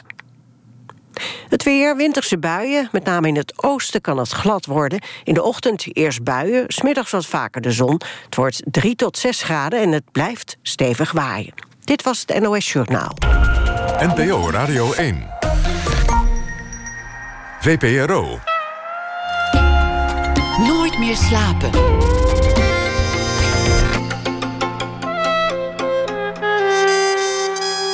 Met Pieter van der Wielen. Rien Wensink is hier uh, zometeen. Ze heeft een uh, roman geschreven, Kleihuid, geïnspireerd op uh, de Eerste Wereldoorlog en de Engelse dichters vanuit de loopgraven. Wat inspireert de filmmaker Esther Gould hoort u zometeen over haar favoriete scène aller tijden. En Jona Valken schrijft deze week elke nacht een verhaal bij De Voorbije Dag. Hij is schilder, hij maakt ook muziek en hij schrijft. Bonte Brug is de titel van zijn roman. En hij is columnist voor De Gelderlander. Dat is waar hij vandaan komt. Jona, goeienacht. Mijn verhaal gaat over roken. En ik las vanmiddag een artikel uh, dat het medisch centrum in Leeuwarden... daar mag niet meer gerookt worden. Niet eens meer buiten. Nee, je mag niet eens meer voor de deur staan roken. Nee. En ik moest deze ochtend naar de tandarts. En, uh, en die twee dingen hadden iets met elkaar te maken. Daar heb ik een verhaaltje over gemaakt. Ga je gang. Deze ochtend moest ik me melden bij mijn tandarts. Om aan plezier te doen rook ik nooit van tevoren. Al hangt er vast nog een zweem van verschraalde checklucht in mijn aura. Een half jaar geleden schreef ik dat ik aan de vinger van de tandartsassistenten had gezogen. Zonder schaamte had ik het opgeschreven. Toen ik weer in de behandelstoel lag, schaamde ik me. Ze hadden het gelezen. Maar voor ik iets kon zeggen, kreeg ik gelukkig een tang in mijn mond. Ik besefte dat het levensgevaarlijk is om over je tandarts te schrijven. Ze zullen je tong eraf slijpen. Later vandaag las ik dat ik bij Medisch Centrum Leeuwarden niet meer gerookt mag worden. In de Volkskrant schreef Margriet Oostveen... de patiënt die voor een ziekenhuisingang staat te roken in zijn badjas is... zeker wanneer aan zo'n iemand een infuus vastzit... een bespottelijk en tragisch gezicht. Woordvoerder Frits Mostert, een ex-pijproker nog wel... heeft horen fluisteren dat er in het fietsenhok gerookt wordt. Een andere flits, Frits van Dijk, is van plan nu in zijn auto op de parkeerplaats te roken. Maar de meeste patiënten roken nu buiten op het terrein. Oh, sorry, de meeste patiënten roken nu buiten het terrein op het fietspad. Slingeren in Leeuwarden nu vele fietsers om rokende badjassen heen. Is dat niet ook gevaarlijk? Roken heeft steeds minder voordelen. Maar het even kunnen ontsnappen als je in een gezelschap bent... is nog steeds een aangenaam bijverschijnsel om de sleur tegen te gaan. Rokers maken altijd een praatje met elkaar. Ik zag het eens gebeuren dat een man een sigaret biedste van een vrouw. Een jaar later gingen ze trouwen. Toen ik vanmorgen naar mijn tandartsbezoek weer buiten stond, regende het. Ik was in de haast zonder aansteken vertrokken. Ik schuilde in het fietshok, maar er was niemand om een vuurtje aan te vragen. Over het uh, roken uh, voor de deur van het ziekenhuis. Iemand vertelde me ooit dat, uh, dat er bij een ziekenhuis iemand met, met, een kaal hoofd en een infuus aan zijn arm stond te roken. En dat er toen mensen langs liepen die hem, die hem verwensingen toeriepen. Van vind je het gek dat je nou in het ziekenhuis ligt? En, en dat vond ik zo grof en zo onaardig en zo nutteloos van die mensen om, om zo iemand dan daarop aan te spreken. En, en ja. als iemand ziek is, dan, dan nog steeds, ja, bedoel, misschien, uh, misschien is, het, is het wel uh, einde verhaal binnenkort. En dan kan je die paar sigaretten ook nog wel roken, toch? Precies. De, uh, ja, als je mensen maar niet in het gezicht blaast of zo. Dat, dat, ja, dat, dat je het een beetje sociaal doet, maar verder moet iedereen het toch, toch zelf weten. Ja, de dokter vindt het niet verstandig en daar heeft hij gelijk in. Maar het helemaal verbieden aan iemand die het toch al moeilijk heeft, ik weet het niet. Nee, dat vind ik ook een beetje, een beetje pijnlijk. Dus uh, ja, maar ik vind het wel een mooi beeld als er nu mensen op het fietspad staan en met van die opwaaiende badjassen. Dat vind ik toch wel weer, vind ik ook wel weer leuk. Ja, maar straks vatten ze kou, krijg je dat weer. Ja, dan ja. weer, ja. Nou, dankjewel Jona. Tot, uh, tot morgen. Goeienacht. Tot morgen. Jij ook. Doei. Komend weekend in uh, Groningen. Het begint morgen Eurosonic Noorderslag. Jaarlijks terugkerend uh, evenement. Daar gaat optreden uit Oostenrijk Kari Kari en dit nummer heet Nothing's Older Than Yesterday.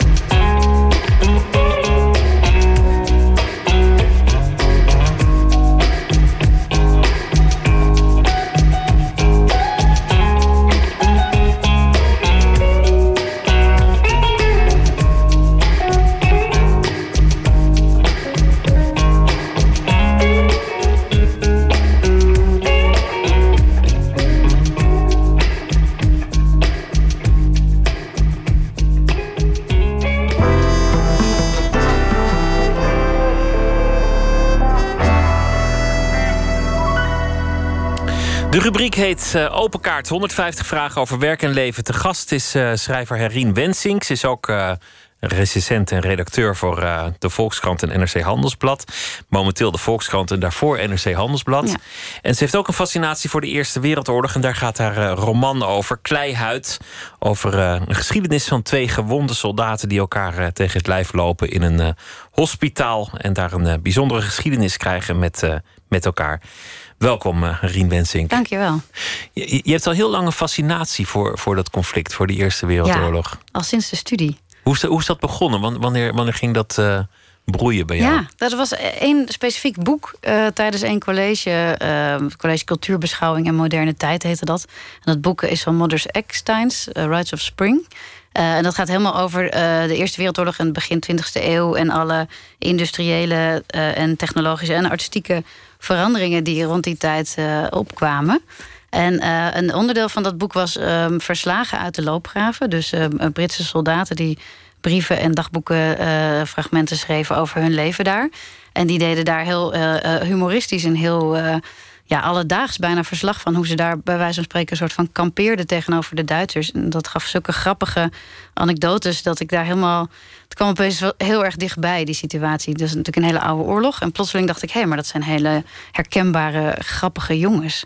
Ben je ook wel eens op zo'n tour gegaan langs de loopgraven? Um, niet op een tour. Ik heb wel, ik heb wel Ieper en uh, daarom en de Sommen en daarom liggende begraafplaatsen wel bezocht. Ja, ja dat, maar dat is niet per se uh, dat, is, dat ziet er zo anders uit dan, dan wat ik me voorstel dat die oorlog was. Dus nu, nu, nu allemaal. Nu staan geharkt en netjes. En, heel, heel, heel klinisch en strak en mooi en keurig onderhouden. En toen was het natuurlijk één groot desolaat, modderig uh, maanlandschap. Dus uh, ik vond het heel indrukwekkend om te zien. Zeker ook in Ieper, waar ze nog altijd bij die Meningpoort elke avond opnieuw om half acht, geloof ik, nog de Last Post spelen om de doden te herdenken. Dat is natuurlijk wel ongelooflijk aangrijpend dat het daar nog steeds zo leeft. 100 jaar na dato. Ja. ja. De, het, het waren niet de, de, de sukkeltjes die in, in, in de loopgraven zaten, maar vaak de elite. Veel schrijvers, veel kunstenaars, veel dichters. De officieren kwamen uit de betere klasse. Het, waren, het was ook eervol om mee te doen. Ja. En achteraf zijn heel veel mensen alsnog beroemd schrijver geworden die het overleefd hebben. De, de poëzie is bijzonder. Ik, ik wilde luisteren naar vermoedelijk het bekendste gedicht uit de Eerste Wereldoorlog. Gelezen door, uh, door uh, hoe heet hij ook alweer, de, de, beroemde acteur Stephen Fry. En uh, dit is van Wilfred Owen, Anthem for Doomed. Youth. What passing bells for these who die as cattle? Only the monstrous anger of the guns, only the stuttering rifle's rapid rattle can patter out their hasty orisons. No mockeries now for them, no prayers nor bells, nor any voice of mourning save the choirs, the shrill, demented choirs of wailing shells, and bugles calling for them from sad shires. What candles may be held to speed them all? Not in the hands of boys, but in their eyes shall shine the holy glimmers of goodbyes. The pallor of girls' brows shall be their pall, their flowers the tenderness of patient minds, and each slow dusk a drawing down of blinds.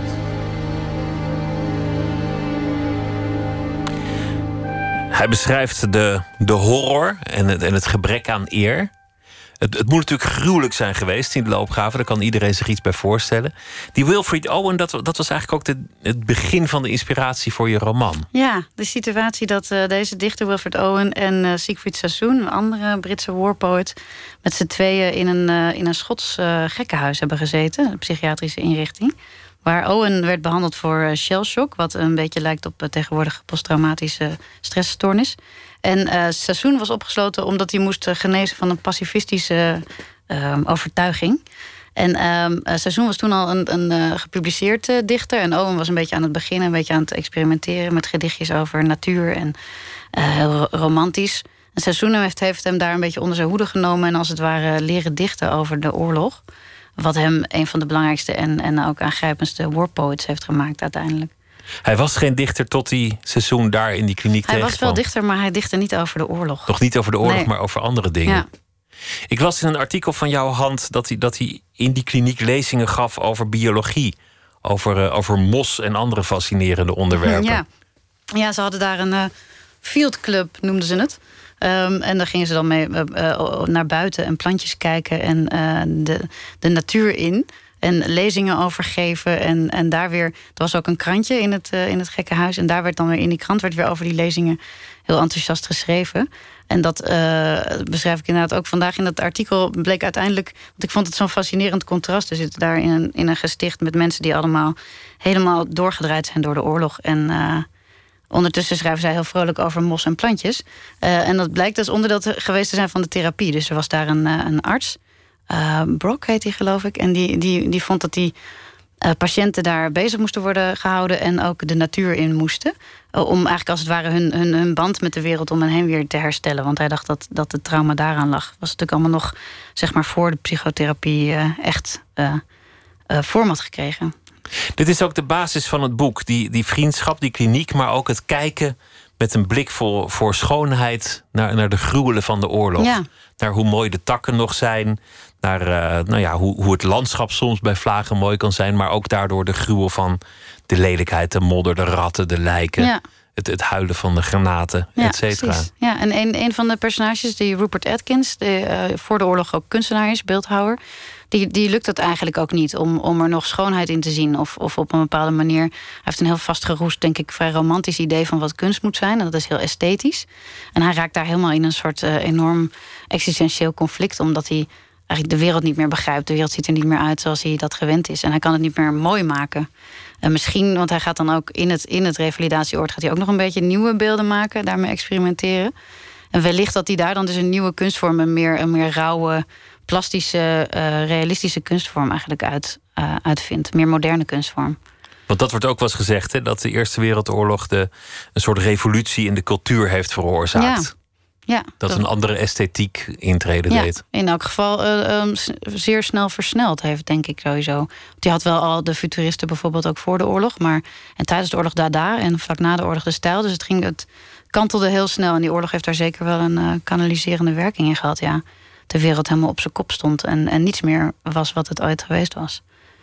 De, het, het laatste schot van de oorlog is, is dit jaar 100 jaar geleden. Uh, eh, 11 november 1918 was Ja. dat. En, en die Wilfried Owen die is, is de laatste dag nog doodgeschoten. Een week voor de een week- wapenstilstand. ja. een week voor de Maar de wapenstilstand. tragiek is dat dus, eh, er werden dan telegrammen verzonden met het bericht van, van i- iemands dood. En zijn moeder kreeg dat telegram op 11 november, de dag van de wapenstilstand. Toen bij haar in, de, in het dorp al de klokken luiden vanwege de vrede. Ja, dat is wel heel Toen kwam toch nog de postbode met Precies. dat, met dat droeve bericht. Ja, Gruwelijk. ja, Laten we beginnen met eh, de kaart. Ik wil je vragen om een, eh, een kaart te trekken. ja. Wat doe je om jezelf te troosten? Ehm, nou, ik heb een, ik heb een, eh, een verantwoord antwoord en een minder verantwoord antwoord. Ze mogen allebei.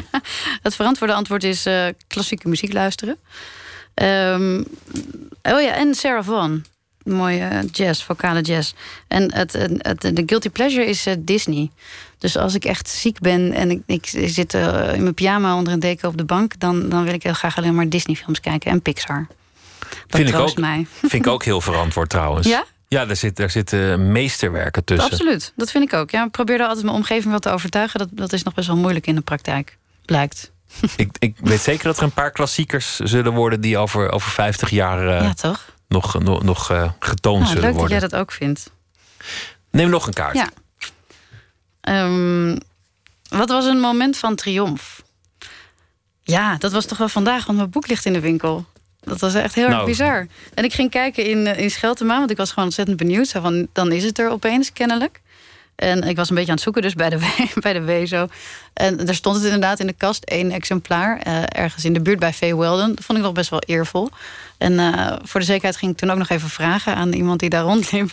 Ik zei, ja, want ik zie hier één boek staan. Ze zei, nee, nee, kom maar, ik heb het hier liggen. Dus er lag stond een tafel en dan lag het in echt grote stapels. Heel prominent eh, in de boekhandel. Dus ik was echt helemaal, ik zat helemaal te glunderen. Dat is een Ja, prachtig moment. Je boek gek. is te koop. Ja, Ja. fantastisch. En zo'n grote stapel, dat werkt ook. Dat, dat, eh, Ja, toch? dat straalt vertrouwen uit Precies. vanuit de Dan boekhandelaar. lijkt het heel belangrijk. Ja, zo denk ik ook altijd. Neem nog een eh, kaart als je wil. welk buitenlands gebruik of welke traditie zou je willen overnemen? Ehm, nou, ik, ik, ik vind altijd wel. Wat, wat ik net zei over, dat, over die Menenpoort en Ieper... en hoe ze dat nog elke avond... eh, eh, nou ja, vieren is natuurlijk niet het goede woord, maar memoreren. Ehm, ik, vind, ik vind het jammer dat, dat wij Nederlanders... weinig tradities echt hebben of koesteren, lijkt het soms. Ehm, en en ehm, ik, eh, ik moest laatst ook denken aan... dat was ook trouwens weer door een, door een Pixar-film, Coco. Nieuwe, nieuwe film, heb je hem gezien? Nee, nog niet. Hij is echt helemaal geweldig. Maar die gaat over die Dia de las Muertos, de Mexicaanse feestdag waarin dan de overleden familieleden worden geëerd. En dat vond ik eigenlijk wel een heel erg mooie traditie. Ook omdat je heel bewust stilstaat bij waar je vandaan komt, wie je voorvaderen zijn, eh, wie je oma eigenlijk is, toen, wie ze was toen ze klein was en wat haar geschiedenis is. En dat, dat daar even eh, ja, een soort, soort verticale familiebanden veel meer worden gekoesterd. Van, van de kleinzoon die dan zijn overgrootoma ook weet wie dat is. Eh, dat daar zo elk jaar even tijd voor wordt genomen. Dat vind ik eigenlijk wel een traditie die we hier zouden moeten hebben. Ja, Voorouderverering, of in ieder geval weten waar je vandaan ja komt. precies. En het, Kennis, en het ja. verleden levend Ja, en die verhalen doorvertellen, ja. Ja, dat lijkt me mooi. Laten we nog een kaart doen. Jeetje. Mm. Waar lopen je relaties op stuk? Nou, die lopen helemaal niet stuk. Ik ben al zeven jaar heel gelukkig getrouwd. Dus, ehm, ja, waar... Dat, is, dat is niet van toepassing dan tot nee, nu toe. Nee, nee, Ik kan natuurlijk wel dingen verzinnen over oude relaties. Maar ehm, ja, nou ja, ja. Eh, de, nou ja, dat, dat, dat was lang geleden. En toen eh, was ik zelf, eh, zat ik nog wat minder evenwichtig in elkaar. En daar heb ik dan in de tussentijd wel aan gewerkt. Eh, en nu ben ik heel gelukkig getrouwd met Erik de Vroet. En dat gaat heel goed. Dus dat, eh, ja, nee, die lopen niet stuk. Maar kan je ook, of, of vriendschappen, nee, die lopen ook niet stuk. Eigenlijk. Nou, gaat goed. Dus ja, Volgende kaart dan. ik, nou, jezus, wat moeten er veel. Hoe zorg je ervoor dat je je zin krijgt? Oh, jezus. ehm. Mm, ja, ik, ik denk dat ik best wel, best wel een beetje kan zeuren. Ja, dat kan Erik dus beter beantwoorden. Eh, maar wel charmant. Dus eh, ja, een beetje van... eh, oh, ik zou het echt heel leuk vinden als jij dit... bla bla bla, bla zo. Ik denk dat mensen... dat ik wel... Nou, dat mensen wel geneigd zijn om af en toe iets voor mij te doen... omdat ik dat dan heel soort van leuk en enthousiasmerend voorstel. Ehm, maar dat is, dat is dan ook echt wel oprecht op zich. Maar eh, zo lukt het wel vaak om dingen gedaan te krijgen, ja. Nou, als het maar werkt. We gaan, we gaan nog Zijn een de kaart. blauwe erger dan de rode? Eh, nee, volgens mij zit daar niet echt een ordening in. Nee, Hmm. ze zijn allemaal best wel erg. Ja, nog een kaart. Wie of wat bezorgt jouw plaatsvervangende schaamte? Ehm, ja, nou dat, dat is eh, altijd eigenlijk als... ehm, ik heb geen talent voor leedvermaak. En ik vind het heel erg moeilijk om naar dingen te kijken... waar dan mensen struikelen of eh, eh, iets stoms doen... en dat andere mensen daar dan om lachen. Dat vind ik echt zo verschrikkelijk. Dat doet echt fysiek pijn. Dan kan ik helemaal niet tegen. Dus ik ontbeer de humor daarvoor of zo. Dus, nee, dat vind ik echt verschrikkelijk. Ja. Je had een tijd, ik weet niet of dat nog steeds zo is, maar had je s'nachts allemaal van die programma's dat, dat ouders filmpjes van hun eigen kinderen die van, van de wip afflikkeren hadden ingestuurd. Ach, en er werd dan ook nog door de makers een lachband onder ja, ja, ja. gemonteerd. Precies. Ja. Dat, dat het kan bestaan. Van die kinderen die tegen glazen deuren lopen en eh, dat soort dingen. Ja. En ook heel zielig is met dieren. Daar kan ik ook niet tegen. Ja, maar in plaats van dat je dan een ouder hebt die zegt van... eh, ach, mijn kind is gevallen, laat ik, laat ik eens een eh, troost bieden... Of een pleistertje pakken. Denk ze, ha, mooi materiaal, dit ga ik insturen. Dit wordt prachtige televisie. Kennelijk Onvoorstelbaar. vinden ze dat grappig, maar dat vind ik dus helemaal niet. Ja. Nee, maar jij ik- ook niet? Nee, ga ik ook niet naar Nou, kijken. Goed, Nee. We gaan nog, eh, nog één vraag doen. oké. De moeder der Ik vragen. vind dat het er wel heel veel zijn. Wanneer heb je voor het laatst hard gelachen? Eh, net eigenlijk eh, vlak voordat ik hier naartoe kwam. Want ehm, eh, toen viel Erik, soort van, mijn man, dus half van de trap, soort van. Maar toen maakte hij daar een soort prachtige ballerina draai sprong dansje van. Eigenlijk was hij was meteen een soort van als, als een soort Gene Kelly of zo aan het tapdansen plotseling in de kamer. en, en hij heeft ook hij opgeleid als acteur, maar ooit heeft hij een clownsopleiding gedaan. Dus hij, eh, hij is een soort clown in huis ook af en toe. Dus dit was een hele grappige wending aan een, aan, een, aan een ogenschijnlijk dramatische scène... die plotseling heel komisch werd. Daar moest ik erg hard om lachen. Dan, dan moet je er wel om lachen als Ja. het goed afloopt. Maar jij recenseert theater en hij maakt theater. Ja. Dat, dat is eigenlijk een, een perfect huwelijk. Nou, ja, ja, jawel. Zolang je elkaar niet recenseert. Maar Precies, precies. Dat is natuurlijk het ding. Nee, het is heel erg fijn om, om samen natuurlijk in die wereld te verkeren... en heel veel eh, samen te zien en daarover te kunnen praten... en, en veel eh, te herkennen en te kennen van elkaar. Ja, dat is ontzettend leuk. en dezelfde interesse te hebben. Ja. Het eh, boek, de roman, heet Kleihuid. En is vanaf heden te krijgen in de winkel. Absoluut. Dankjewel, eh, Rien Wensink. Dankjewel.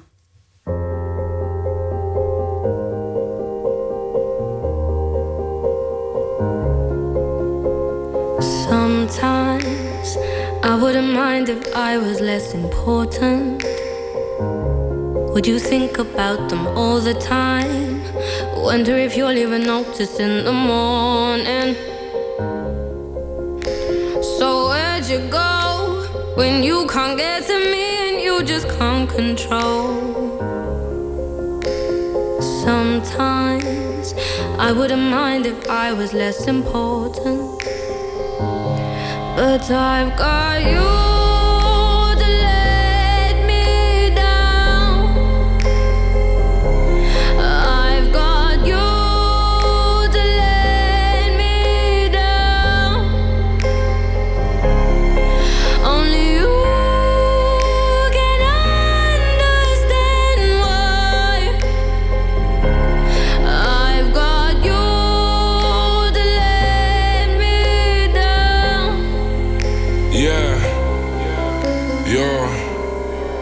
Slap. You've got me, I ponder on that. Said I'll be back in a sec, I need to reflect, but you swear it's been longer than that. Time is gold and time is thin, but time is rare, so we squander on that. I feel your pain when I hear your voice, so fix your tone and it's stronger than that. And you're like the strongest girl I know. Probably the strongest man, it's my mum. Don't go wasting your loving on me. When I see tears on, I'm likely to run. So girl, don't love me, I mean it. When I say I love you, I mean it. And it's mad, can't choose to be distant. But it's fuck, I know what a queen is. So But why do I?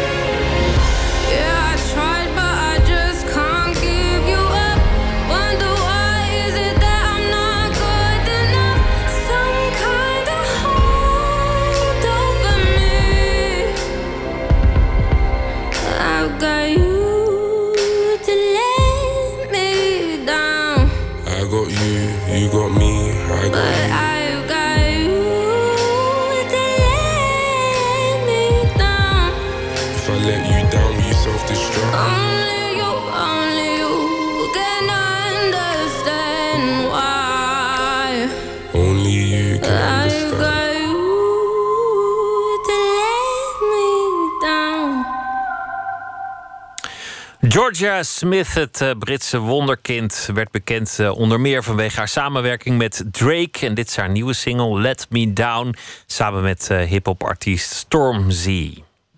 Eén minuut gemaakt door Katinka Beren en deze heet Alledaagse Gesprekken.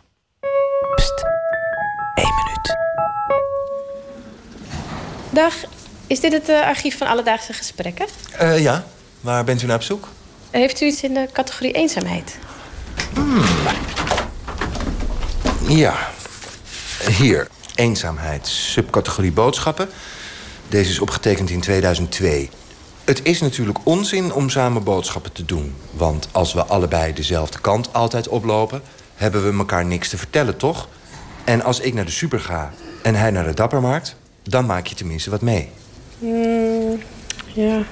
Eh, of deze? Het enigste wat ik vraag is de HEMA. Dat weet hij te vinden.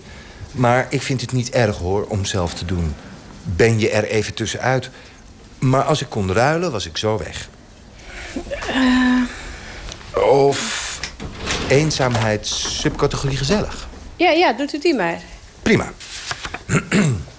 Ik vind het gezellig dat je langskomt. Ja, dat is toch gezellig? Dan is de middag zo om. Morgen opent in Parijs in eh, Centre Pompidou een uh, groot retrospectief van de Nederlandse fotograaf en filmmaker Johan van der Keuken. 16 jaar na zijn uh, voortijdige dood. Wordt altijd over hem gezegd dat hij films maakte met een fotografisch oog en fotografeerde met een filmisch oog. Maakte vele films die klassiekers werden in binnen- en buitenland. En vooral in Frankrijk is hij nog altijd een soort god. Ramon Gieling is filmmaker en maakte ooit een lange film over Van der Keuken. Goedenavond, goeienacht. Hallo. Ja, die status van Johan van der Keuken in, in Frankrijk. Ik heb het idee dat hij daar nog veel beroemder is dan hier. Klopt dat? Nou, dat is niet alleen een indruk. Dat, dat, is, uh, dat kun je met grote zekerheid stellen. hij sluit natuurlijk veel meer aan bij een Franse traditie. los van het feit, of naast het feit dat hij op de Franse filmschool heeft gezeten, de IDEC in Parijs. en voelde zichzelf waarschijnlijk ook veel meer verwant met de Franse intellectuele filmtraditie, Godard, Truffaut, de Franse filosofen die daar altijd nauw mee samenhingen. Um, nou ja, ik heb gezegd dat hij, uh, waarom hij mede belangwekkend, waarom, waarom ik hem belangwekkend vind, is omdat het een van de weinige um, filmers is, of was, die in Nederland in ieder geval, die ook dacht, het was een, een denker, en dat zag je in zijn films en dat voel je in zijn films. Je voelde affiniteit en, en een soort DNA-verwantschap met, met politiek, met filosofie, met de literatuur. Hij maakte films over Remco Kampert, uh, over Lucebert, over uh, uh, Willem Breuker. Dus je voelde een enorme, enorme drive met, met, met, met bloedverwanten. Ook, dus niet alleen op, op kunstniveau, maar ook op intellectueel niveau, op denkersniveau. Je hebt zelf een film over hem gemaakt. Hoe, dichtbij ben je gekomen? Want je hebt onder meer op zijn sterfbed mogen filmen. Dat, dat lijkt me dat je dan wel heel dichtbij bent gekomen. Uh, ja, ik geloof, ja. Ik weet, uh, jezelf iemands vriend noemen is, is, is een beetje onbetamelijk. Hij was natuurlijk veel ouder dan ik. Dus ik beschouwde hem ook wel een beetje als een meester. Of een, als niet een meester, maar als een leermeester. Uh, ik, ik, geloof dat, dat er ook een, een, vriendschap, een grote vriendschap was. Of, en ook een verwantschap. Uh, ik wilde een film over hem maken... Uh, die misschien uh, vooruit liep op zijn ziekte en op zijn dood. En dat wilde hij niet. Hij wilde het in die laatste jaren van zijn leven eigenlijk juist niet over, laten we zeggen, over ziekte en, en dood hebben, maar juist over iets, over, over vitaliteit. Dus toen besloten we, toen we kwamen op het spoor, dankzij Willem van Soetendaal, een um, fo fotoverzamelaar, kwamen we op het spoor van de Chinese fotograaf To Sang die al jarenlang in een kleine studio op de Albert Kuipstraat werkte. En wij besloten, we hebben eigenlijk collectief besloten om een soort duet te maken. Hij zou een film over de fotograaf maken en ik zou een film over Johan van de Keuken maken die een film over de fotograaf aan het maken was. Dus wij hebben gedurende een dag of acht in een diep kleine studiootje van de Chinese fotograaf om elkaar heen gedanst. Daarom noem ik het misschien ook maar een duet waarin hij de, foto de fotograaf filmde. De fotograaf fotografeerde weer zijn klanten. En ik fotografeerde de filmer die de fotograaf filmde... die mensen aan het fotograferen was. Dus je had een enorm droste effect. Waarom de film, laten we zeggen, toch uh, enig um, effect sorteerde... is omdat je daarin ziet dat het woord en het begrip documentair... maar tot op zekere hoogte um, bindend of geldend is. Want je ziet dat ook de, de tussen aanhalingstekens documentairemaker... wil die zijn shot goed hebben, moet hij het soms herhalen. Dus in de, in de, in de film zie je dat, dat Van de Keuken echt aan het organiseren is... en aan het orchestreren en aan het regisseren en aan het herhalen. Dus als een shot niet goed is, vraagt hij gewoon of het overgedaan kan worden. Terwijl in de film denk je gewoon, oh, mensen steken een straat over en lopen de fotowinkel binnen. Totdat je ziet dat ze dat drie keer over moeten doen. Um, dus het is een mooie inkijk in, um, in dat film film is. En dat een documentaire niet noodzakelijkerwijs alleen maar een, een, een directe spiegel is van de werkelijkheid. Of dat je alleen maar die werkelijkheid vangt. Als je de werkelijkheid wil vangen, zul je hem ook moeten organiseren. En, en in die film leer je Van der Keuken kennen als, als maker. Je, je ziet in ieder geval hoe hij te werk gaat en wat voor hem belangrijk is en welke keuzes hij maakt. Maar, maar het werd ook persoonlijk. Het werd, eh, nou ja, kijk, eh, als, als, als je het filter weghaalt en direct laat zien dat iemand aan het werk is en hoe iemand aan het werk is, dan is het in zekere zin persoonlijk. Ehm, het filmen op zijn sterf, dit zit niet in deze film overigens, dat zit in een andere film. Ehm, we hebben allebei een huis in Spanje, eh, niet zo ver bij elkaar vandaan. Hij wilde de laatste weken van zijn leven doorbrengen met zijn gezin en met zijn familie in Spanje. Ik, ben daar, ik was daarbij en ik heb een, eh, een dag zes, zeven voor zijn dood... hebben we nog een scène, een, een gesprek op zijn, eh, op, zijn, op zijn sofa, op zijn bank eh, gefilmd... waarin hij terugkijkt op zijn leven en waarin hij zonder verbittering terugkijkt op zijn leven. Zei hij toen nog iets belangwekkends? Lukte het om, om, om nog iets, Nou, iets belangrijks te zeggen? hij, zegt hij altijd wel belangwekkende dingen. Eh, ehm, hij had, kijk, belang, belangrijk is te weten dat een jaar of twee voor zijn dood heeft hij drie, hij had hij drie enorme tentoonstellingen in Parijs, waaronder in het Grand Palais. Waar meer mensen naartoe zijn geweest dan naar de Picasso tentoonstelling een half jaar eerder. Dus dat zegt wel iets, dan praat je over een paar honderdduizend mensen. Ehm, dat heeft hier in Nederland wel het nieuws gehaald. Ehm, ehm, belangwekkend is dat hij... Hij was natuurlijk ambitieus, dus hij had het gevoel dat hij toch op het laatst van zijn leven toch erkenning heeft gekregen. Een erkenning waar hij jarenlang het gevoel van had dat hij die niet eh, ontving of kreeg. Dus dat maakte dat hij eh, volgens mij in, in relatieve vrede ehm, ja, gestorven is, om het zo maar te noemen.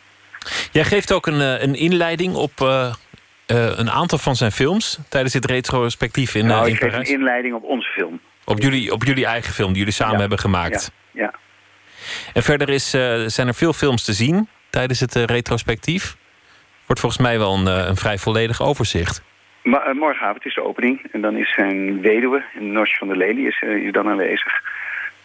Pieter van Huistee, de producent waar ik nu al een jaar of twintig mee en die ook eh, drie films van, van Johan heeft geproduceerd, die, die, eh, die zijn aanwezig. En ik ga 2 februari nu naartoe. Over eh, Johan van der Keuken. Te zien vanaf morgen in eh, Centre Pompidou in Parijs. Nog eh, tot en met maart. Ramon Gieling, dank je wel. Goeienacht. Oké, ja, tot je dienst. Ja, dag.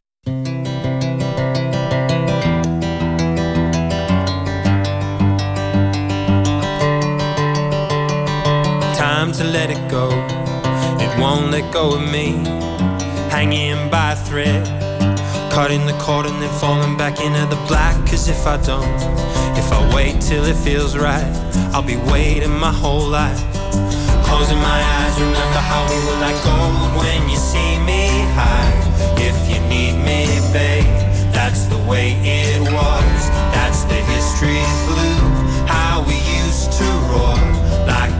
Open fire. That's the way it was, but that's history.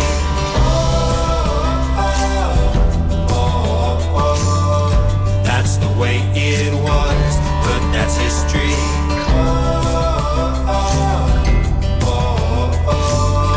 That's the way it was, but that's history. I have a memory. You're visiting me at night, climbing in my bed. So quiet that you never woke me. I love the way you could see the good in everything. But do we feel the fire? Closing my eyes, remember how we were like gold when you see me high. If you need me, babe, that's the way it was. That's the history blue. How we used to roar like an open fire. That's the way it was, but that's history. Started with a word look at where we are, everything we've done. Is there on our faces for anyone willing to read between the lines? Now look at where we are, everything we've done. Is there on our faces for anyone willing to? Oh, oh, oh, that's the way it was, but that's history.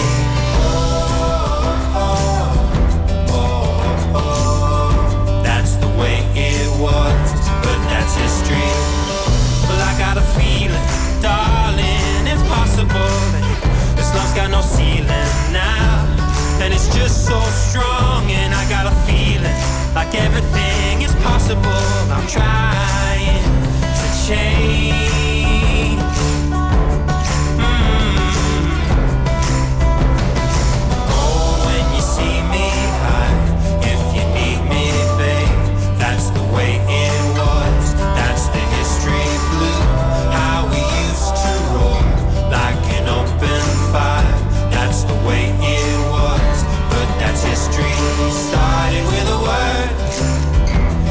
Look at where we are. Everything we've done is there on our faces for anyone willing to read between the lines. Now look at where we are. Everything we've done, starting out with just one.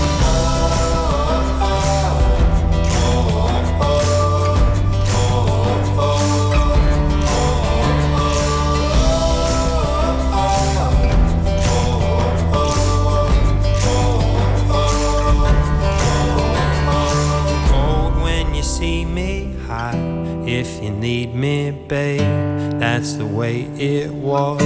But that's history.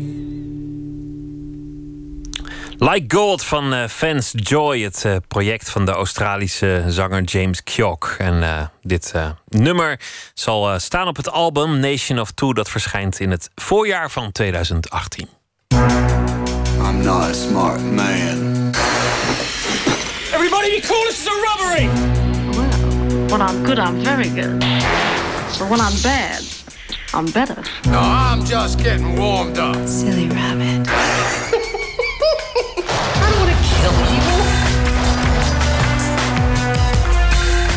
Wat is de scène uit een film, als je zou moeten kiezen uit al die films die in de geschiedenis zijn verschenen, die je leven heeft veranderd? We vragen het aan bekende filmmakers en eh, vannacht de scène van regisseur Esther Gould.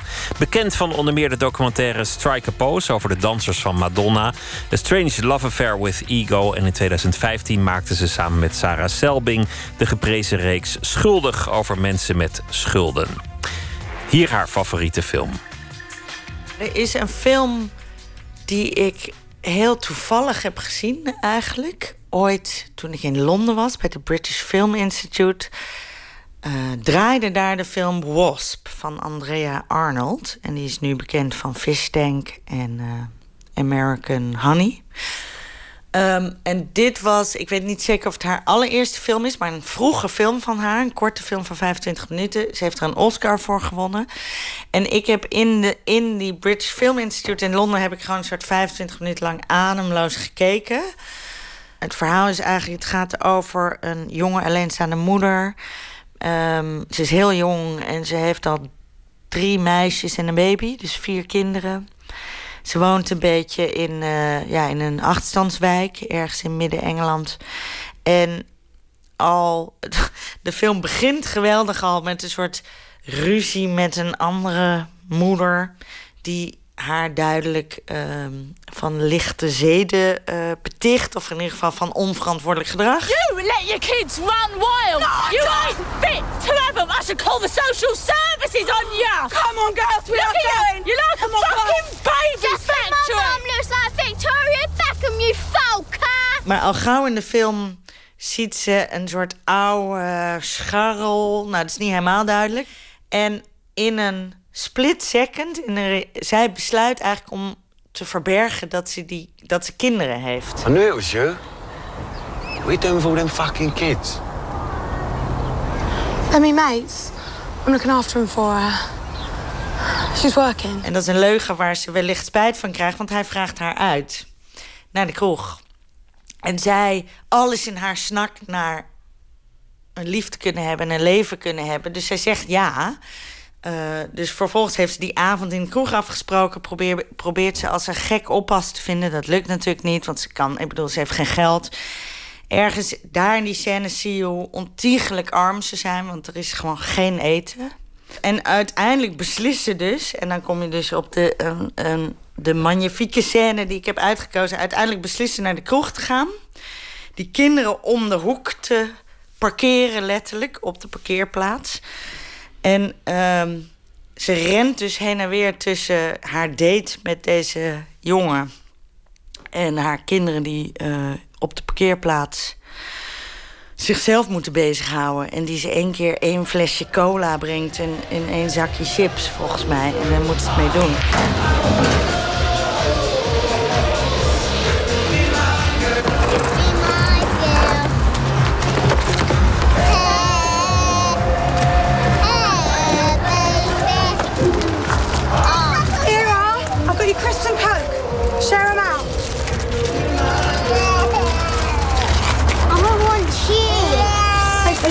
Chips. The shop's got chips. We're not going down the bloody chip shop now. Give me a break. It's my first night out in fucking ages. En uiteindelijk eindigen ze. Hij wil haar mee naar huis nemen. Maar goed, zij zit in, of hij wil met haar mee naar huis. Of zij met hem. Maar ze zit natuurlijk met die leugen. Namelijk dat ze vier kinderen heeft. Ehm, dus, maar ze wil ook wel met hem vrij. Dus op een gegeven moment zijn zij een soort half aan het seks in die auto. Maar onderwijl hebben die, die, die kinderen zo'n honger gekregen. En de oudste dochter, die is misschien een jaar of zeven of zo, gok ik. Die voelt zich wel het meest verantwoordelijk. En er is een groepje dronken jongens langsgelopen. En die hebben wat eh, eten neergeflikkerd wat ze niet meer willen. En die pakt dat eten en dat deelt ze met de kinderen. En dus ook met de baby. En dan komt alles in die film samen. Want dan eh, heel mooi totaalshot van die vier kinderen die daar zich vervelen tegen dat muurtje. En opeens is er een wesp. En eh, uiteindelijk landt de wesp eigenlijk op de lip van de baby. Look at. En uiteindelijk in een soort special effects moment dat nu waarschijnlijk beter zou worden gedaan. Maar dan glipt die wesp naar binnen. En dan worden de kinderen natuurlijk helemaal gek. Die moeder hoort dat. Want die is dus aan het seks in die auto en die vlucht die auto uit. Oh my god! Don't see him! Don't see him!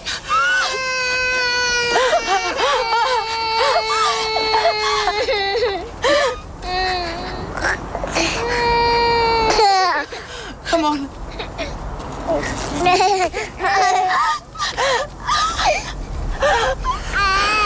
What's that shit round his mouth? What is it? Spare ribs, Kenny planned some. For fuck's sake! Why? Somebody had to feed he was hungry. I told you to look after him, didn't I? Ik vind het ontzettend knap hoe alle drama samenkomt bij die ene wesp. En wat ik heel spannend vind zijn scènes waar je als kijker wordt gespeeld met je eigen empathie slash weerzin of zo. Ik bedoel, dit is een hele hardcore scène, want ik betrapte mezelf erop dat ik op momenten niet haar haat, maar wel denk: wat ben je aan het doen als moeder? Dit kan gewoon niet of zo. Je kan niet die kinderen. Ik bedoel, het is echt een soort jeugdzorgsituatie, toch? Ik bedoel, als jeugdzorg hier komt, worden je kinderen ook afgepakt. Eh, dus het gaat alle grenzen over. En, en dat je dan toch tegelijkertijd haar begrijpt, dat vind ik. Ja, dat vind ik geloof ik ook wel de kracht van cinema of zo. Eigenlijk is Wasp een van de films die ergens, denk ik, ten grondslag ligt aan een serie als Schuldig, bijvoorbeeld. Het is dus een speelfilm, hoewel het eruit ziet als een documentaire. Ehm, maar Andrea Arnold, zoals veel mensen weten, die is geïnspireerd door de Britse onderklasse. Nou, sowieso heeft de Britse cinema daar een traditie in. En het viel mij altijd op in de Nederlandse film dat dat juist ontkend werd, klasse. Ehm, dus als je naar Nederlandse fictie keek, had iedereen altijd een enorme loft. En, eh, maar ook niet dat iedereen heel rijk, maar een soort onbenoemd of bijna een onwerkelijke klasse. Alsof. Ik vond vaak dat in Nederlandse film dat leek het wel alsof mensen niet met geld bezig waren of zo. Een soort ontkenning van klasse. Eh, en natuurlijk hè, is Nederland iets minder een klassenmaatschappij dan Engeland of Groot-Brittannië. Maar toch, ehm, ik heb me. Het heeft mij volgens mij wel geïnspireerd om te denken van waarom doen we in Nederland alsof klasse niet bestaat. En ergens heeft het mij en Sarah Zeilbing geïnspireerd om daar meer naar te kijken. Naar de onderklasse, de Nederlandse onderklasse. En die bestaat natuurlijk wel degelijk. Politie, deurwaarder. Ruim 80.000 Amsterdamse huishoudens hebben een risico op een problematische schuld. Dat is nog net niet 1 op de 5. Mijn omzetten zijn gehalveerd in drie jaar tijd. Ja, waar ligt het aan, aan mij? Dag lieverd, heb je lekker geslapen? Hallo schatje. Gek van al die papieren, echt gek. Facturen, facturen, facturen, facturen. Ja, dat spel met empathie is iets wat we heel bewust hebben gebruikt, ook in Schuldig. Ehm, kijk, ergens heel vroeg in ons allereerste filmplan voor Schuldig stond ook... eh, hè, er zijn geen good guys of bad guys. Überhaupt kijk ik zo naar het leven. Ik bedoel, dat laat ook die scène uit Wasp zien, volgens mij je voelt toch iets voor die moeder. Ook al gaat, doet ze iets wat eigenlijk gewoon moreel niet kan. Ehm, en in Schuldig hebben we daar heel erg mee gespeeld. Met het idee dat van de kijker moest natuurlijk onze hoofdpersonen wel in hun hart te sluiten. Maar gaandeweg de serie mocht je ook wel denken. Nou, eh, die laknagels moet dat wel. Of ja, Dennis, eh, dat dierenwinkeltje van jou, het loopt gewoon niet. Moet moet je er niet een keer mee ophouden? En we hebben best wel hard daaraan gewerkt om, op, om in de montage dat op een, het juiste moment te vertellen. Hey, baby. Ah, I wanna know. De scène eindigt, en dat vind ik wel heel mooi, in, in dat rauwe van... Het is een afschuwelijk moment met die wesp. En het is allemaal zo rauw, maar het eindigt toch met hoop. Die jongen die daar staat, en eigenlijk zie je al in zijn blik, vind ik, dat hij, ze, dat hij niet onmiddellijk afhaakt. Why don't we just get? We'll have a little chat, yeah?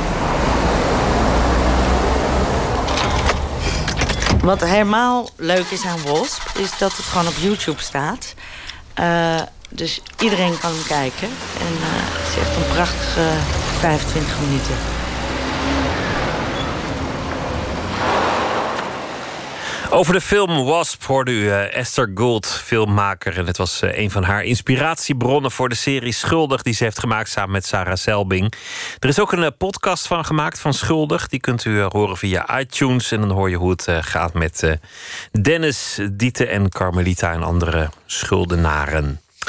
We gaan luisteren naar Glenn Hansard. En het nummer heet Bird of Sorrow.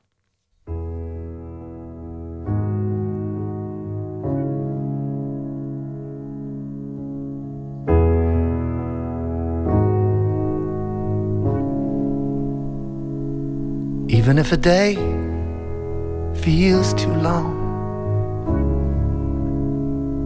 and you feel like you can wait another one, and you're slowly giving up on everything. Love is gonna find you again. Love is gonna find you, you better be ready then.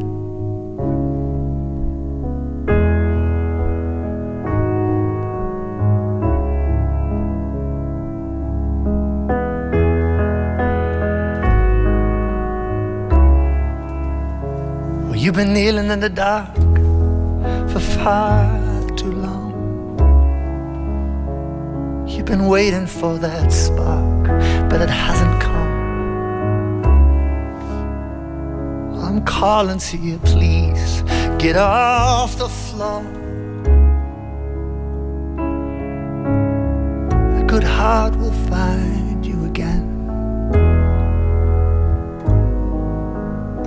A good heart will find you. Just be ready then. Tethered to a bird of sorrow, a voice that's buried in the hollow. You've given over to self deceiving. You're prostrate, bowed, but not believing. You've squandered more than you could borrow. You've bet your joy on all tomorrows for the hope of some returning while everything around is burning.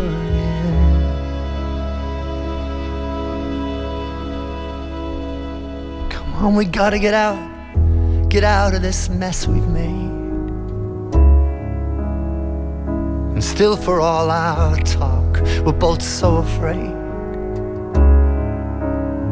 Or will we leave this up to chance like we do everything? Love is gonna find us again. Is gonna find us. We gotta be ready then. Tethered to a bird of sorrow, a voice that's buried in the hollow. You've given over to self deceiving. You're prostrate, bowed, but not believing. You've squandered more than you could borrow. You've bet your joys on all tomorrows for the hope of some returning everything around you's burning. But I'm not leaving yet. I'm not leaving yet. I'm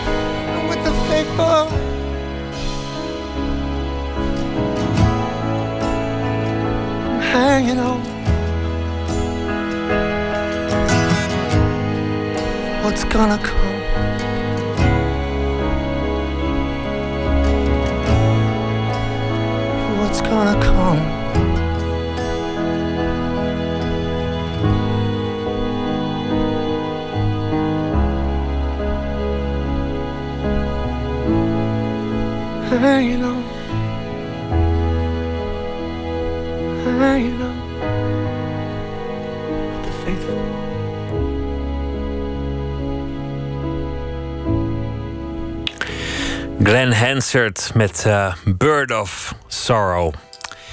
En zo zijn we aan het einde gekomen van deze aflevering van eh, Nooit meer slapen. Morgen dan eh, zijn we er weer en dan zit hier schrijver en psychiater Bram Bakker. Hij komt op bezoek. Heeft een eh, boek geschreven over een eh, bijzondere jeugdvriendschap die eh, te vroeg eindigde.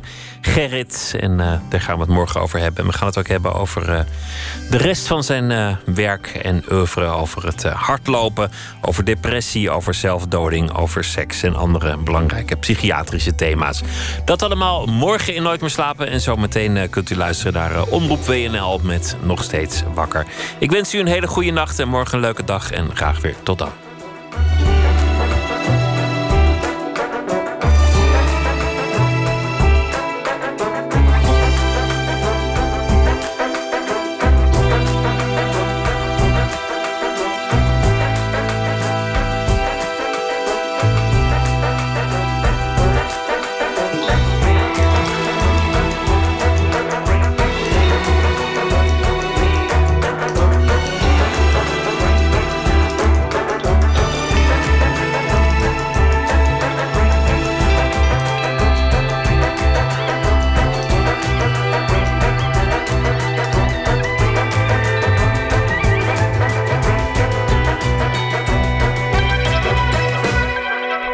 Radio 1. Het nieuws van alle kanten.